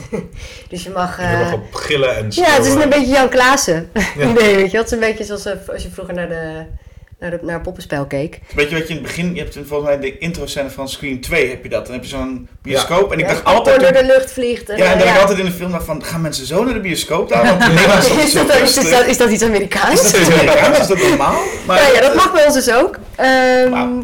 En eh, de hele nacht lang. Dus het, het, is, het is van volgens mij, nou weet ik even de tijd niet precies, maar volgens mij vlak voor middernacht tot, eh, tot de zon opkomt. En we, het programma is ook niet alleen maar eh, zooi. We gaan ook echt voor de enge films. Dus we willen ook dat mensen daar. eh, ja, je moet ook dingen programmeren waar mensen ook wakker van blijven en die ze oprecht spannend vinden. Dus we hebben dit jaar eh, The Girl with All the Gifts, Mhm. grote zombie eh, hit. We hebben ehm, Killing Ground, wat, waar ik net ook al wat over vertelde. Een hele intense, enge Australische Deliverance-achtige film. ja, je moest er een kwartier van bij komen, zei je? Toen, of in ieder geval echt... Ja, ik kon daar echt. eh, ik heb dat nog steeds wel eens. Dan heb je al zoveel gezien. En stiekem vind ik dat dan uiteindelijk wel dan de beste films. Maar ik kan ze bijna niet stomaken, weet je wel. Omdat je gewoon niet omdat hij is niet gory, maar hij is gewoon verschrikkelijk naar. Eh, heel bleek, echt bleek, ja. Echt eh, heel realistisch. En ehm, zit gewoon heel strak in elkaar, goed geacteerd. En, eh, en ik, maar ik was daarna gewoon, pff, man. weet je wel, wil je wat drinken? Nou, weet ik niet. Ja. En de mensen moeten, want is dit ook op de volgorde waarop het geprogrammeerd wordt? Dus... Daar zijn we nog mee bezig. Maar ik weet niet of we daarmee moeten afsluiten, inderdaad. Ik denk dat we meestal Ja, eindigt, ja, de meestal eindigt die nacht met een, met een eh, of een hele een, een snelle actiefilm of een film waar mensen gewoon nog harder bij mogen schreeuwen of waar nog meer popcorn door de lucht gaat. Omdat de iedereen anders ook in slaap is- valt. Als dit de eerste film is, dan denken mensen, en nu moet er nog drie. Nou, Ja. dit publiek niet, denk ik. Dit publiek kan er tegen? Die kan er misschien wel tegen. Oké. Eh, en het is vooral gewoon een hele goede film. Ehm, vergeet ik nu eentje? Die vergat Ja, ik net ook al, hè? Ja, we gaan een klassieker vertonen. waar iedereen ook op mag stemmen. Dus gewoon die, die film die je nog een keer op groot scherm wil zien. Leuk. Om drie uur s'nachts. Ehm en we, we hebben nog steeds de Scream Queen contest. Dus wie het daar tussendoor. We hebben een paar leuke onderdelen En tussendoor. Scream Queen? Eh, nee. Let's go. Het is niet zo makkelijk als je denkt. Nee, ik Nee. kan ook niet goed gillen. Tim, Ehm, Scream Queen? Ja, misschien Ja. wel. En, en we hebben een quizje tussendoor. En we doen- gaan een karaoke doen. Dus kijken, testen of, of iedereen die scènes die ze zeggen uit hun hoofd te kennen... ook echt uit hun hoofd kennen. Ah. Ehm, En nog een film. En nog een film die ik net ook weer heb opgezocht en nu weer bij... Oh ja, Red Christmas. Die, Daar eindigen we misschien wel mee, weet ik niet. Maar dat is ook een Australisch film met Dee Wallace. Yes, die is terug. Wauw. En het is, een, het is een soort Australisch Jallo op een bepaalde manier. Maar dat komt Oh. meer door de manier waarop ze met licht werken. Want het speelt zich met kerst af, maar dan is het daar altijd hartje zomer. Ja. Dus het is super warm in die film. En het gaat over een vrouw die ooit een abortus heeft laten plegen. Of in ieder geval een kindje heeft afgestaan wat heel erg misvormd was. Dat had ze niet moeten doen. Die Oh, komt, die komt oei. een aantal jaar die- la- later komt hij terug met kerst om eh, Oh, nee. gezellig met zijn gezin onder de kerstboom te gaan Toch zitten. weer de moederschap en zwangerschap. Precies. Ja. Ja, maar die, is- die is vooral lachen. Die is heel tongue in cheek. Tof. Ja. Leuk, nou we kijken er naar uit. Ja, kom allemaal. allemaal, Jasper, Basje? Ja, Ja. Ik, eh, plannen? ik ga het eh, toiletrol gooien. en Ja, jij bent gewoon nog nooit geweest. Nee, maar ik hoorde het concept. Ik dacht, nou, als ik nou dingen mag schreeuwen en vier horrorfilms mag zien, dan Ja. ik zie niet eh, waarom niet. Basje, jij? Dingen. Eh, nou, misschien. Dat weet ik nog niet. Ja. Maar we gaan wel naar Dario Argento. Ja, sowieso, sowieso naar Imagine. Ja. Suspiria en Oprah. Ja. Ja, opera op, scho- op een groot scherm. Daar moet je geen dingen roepen naar het scherm. Dat is Nee. niet leuk voor Dario die erbij zit. Nee, dat is niet leuk. Waar kan je Schok het Nieuws nou eigenlijk vinden? Op schokhetnieuws.nl natuurlijk, maar ook op Twitter, Instagram, Facebook. En natuurlijk eens in de twee maanden in je brievenbus in de vorm van het Schok het Nieuws magazine. Het februari-maart-nummer van Schok het Nieuws magazine haakt in op ons jubileum. Schok het Nieuws bestaat namelijk 25 jaar. Verder is er aandacht voor films als The Handmaiden en Train to Busan en nog veel meer. Wil je ons laten weten wat je van de podcast vindt? Mail dan naar podcast schokhetnieuws.nl of vind je weg op de social media. Ja, en op 1 april vindt het grote jubileumfeest van Schok het Nieuws plaats in Criterion. Jullie zijn allemaal uitgenodigd eh, in Amsterdam met twee films, een filmquiz, DJ's en een live uitzending van onze podcast. Dan kun je ons in het echt ontmoeten. Ja, En dat wil je hoor. dat wil je.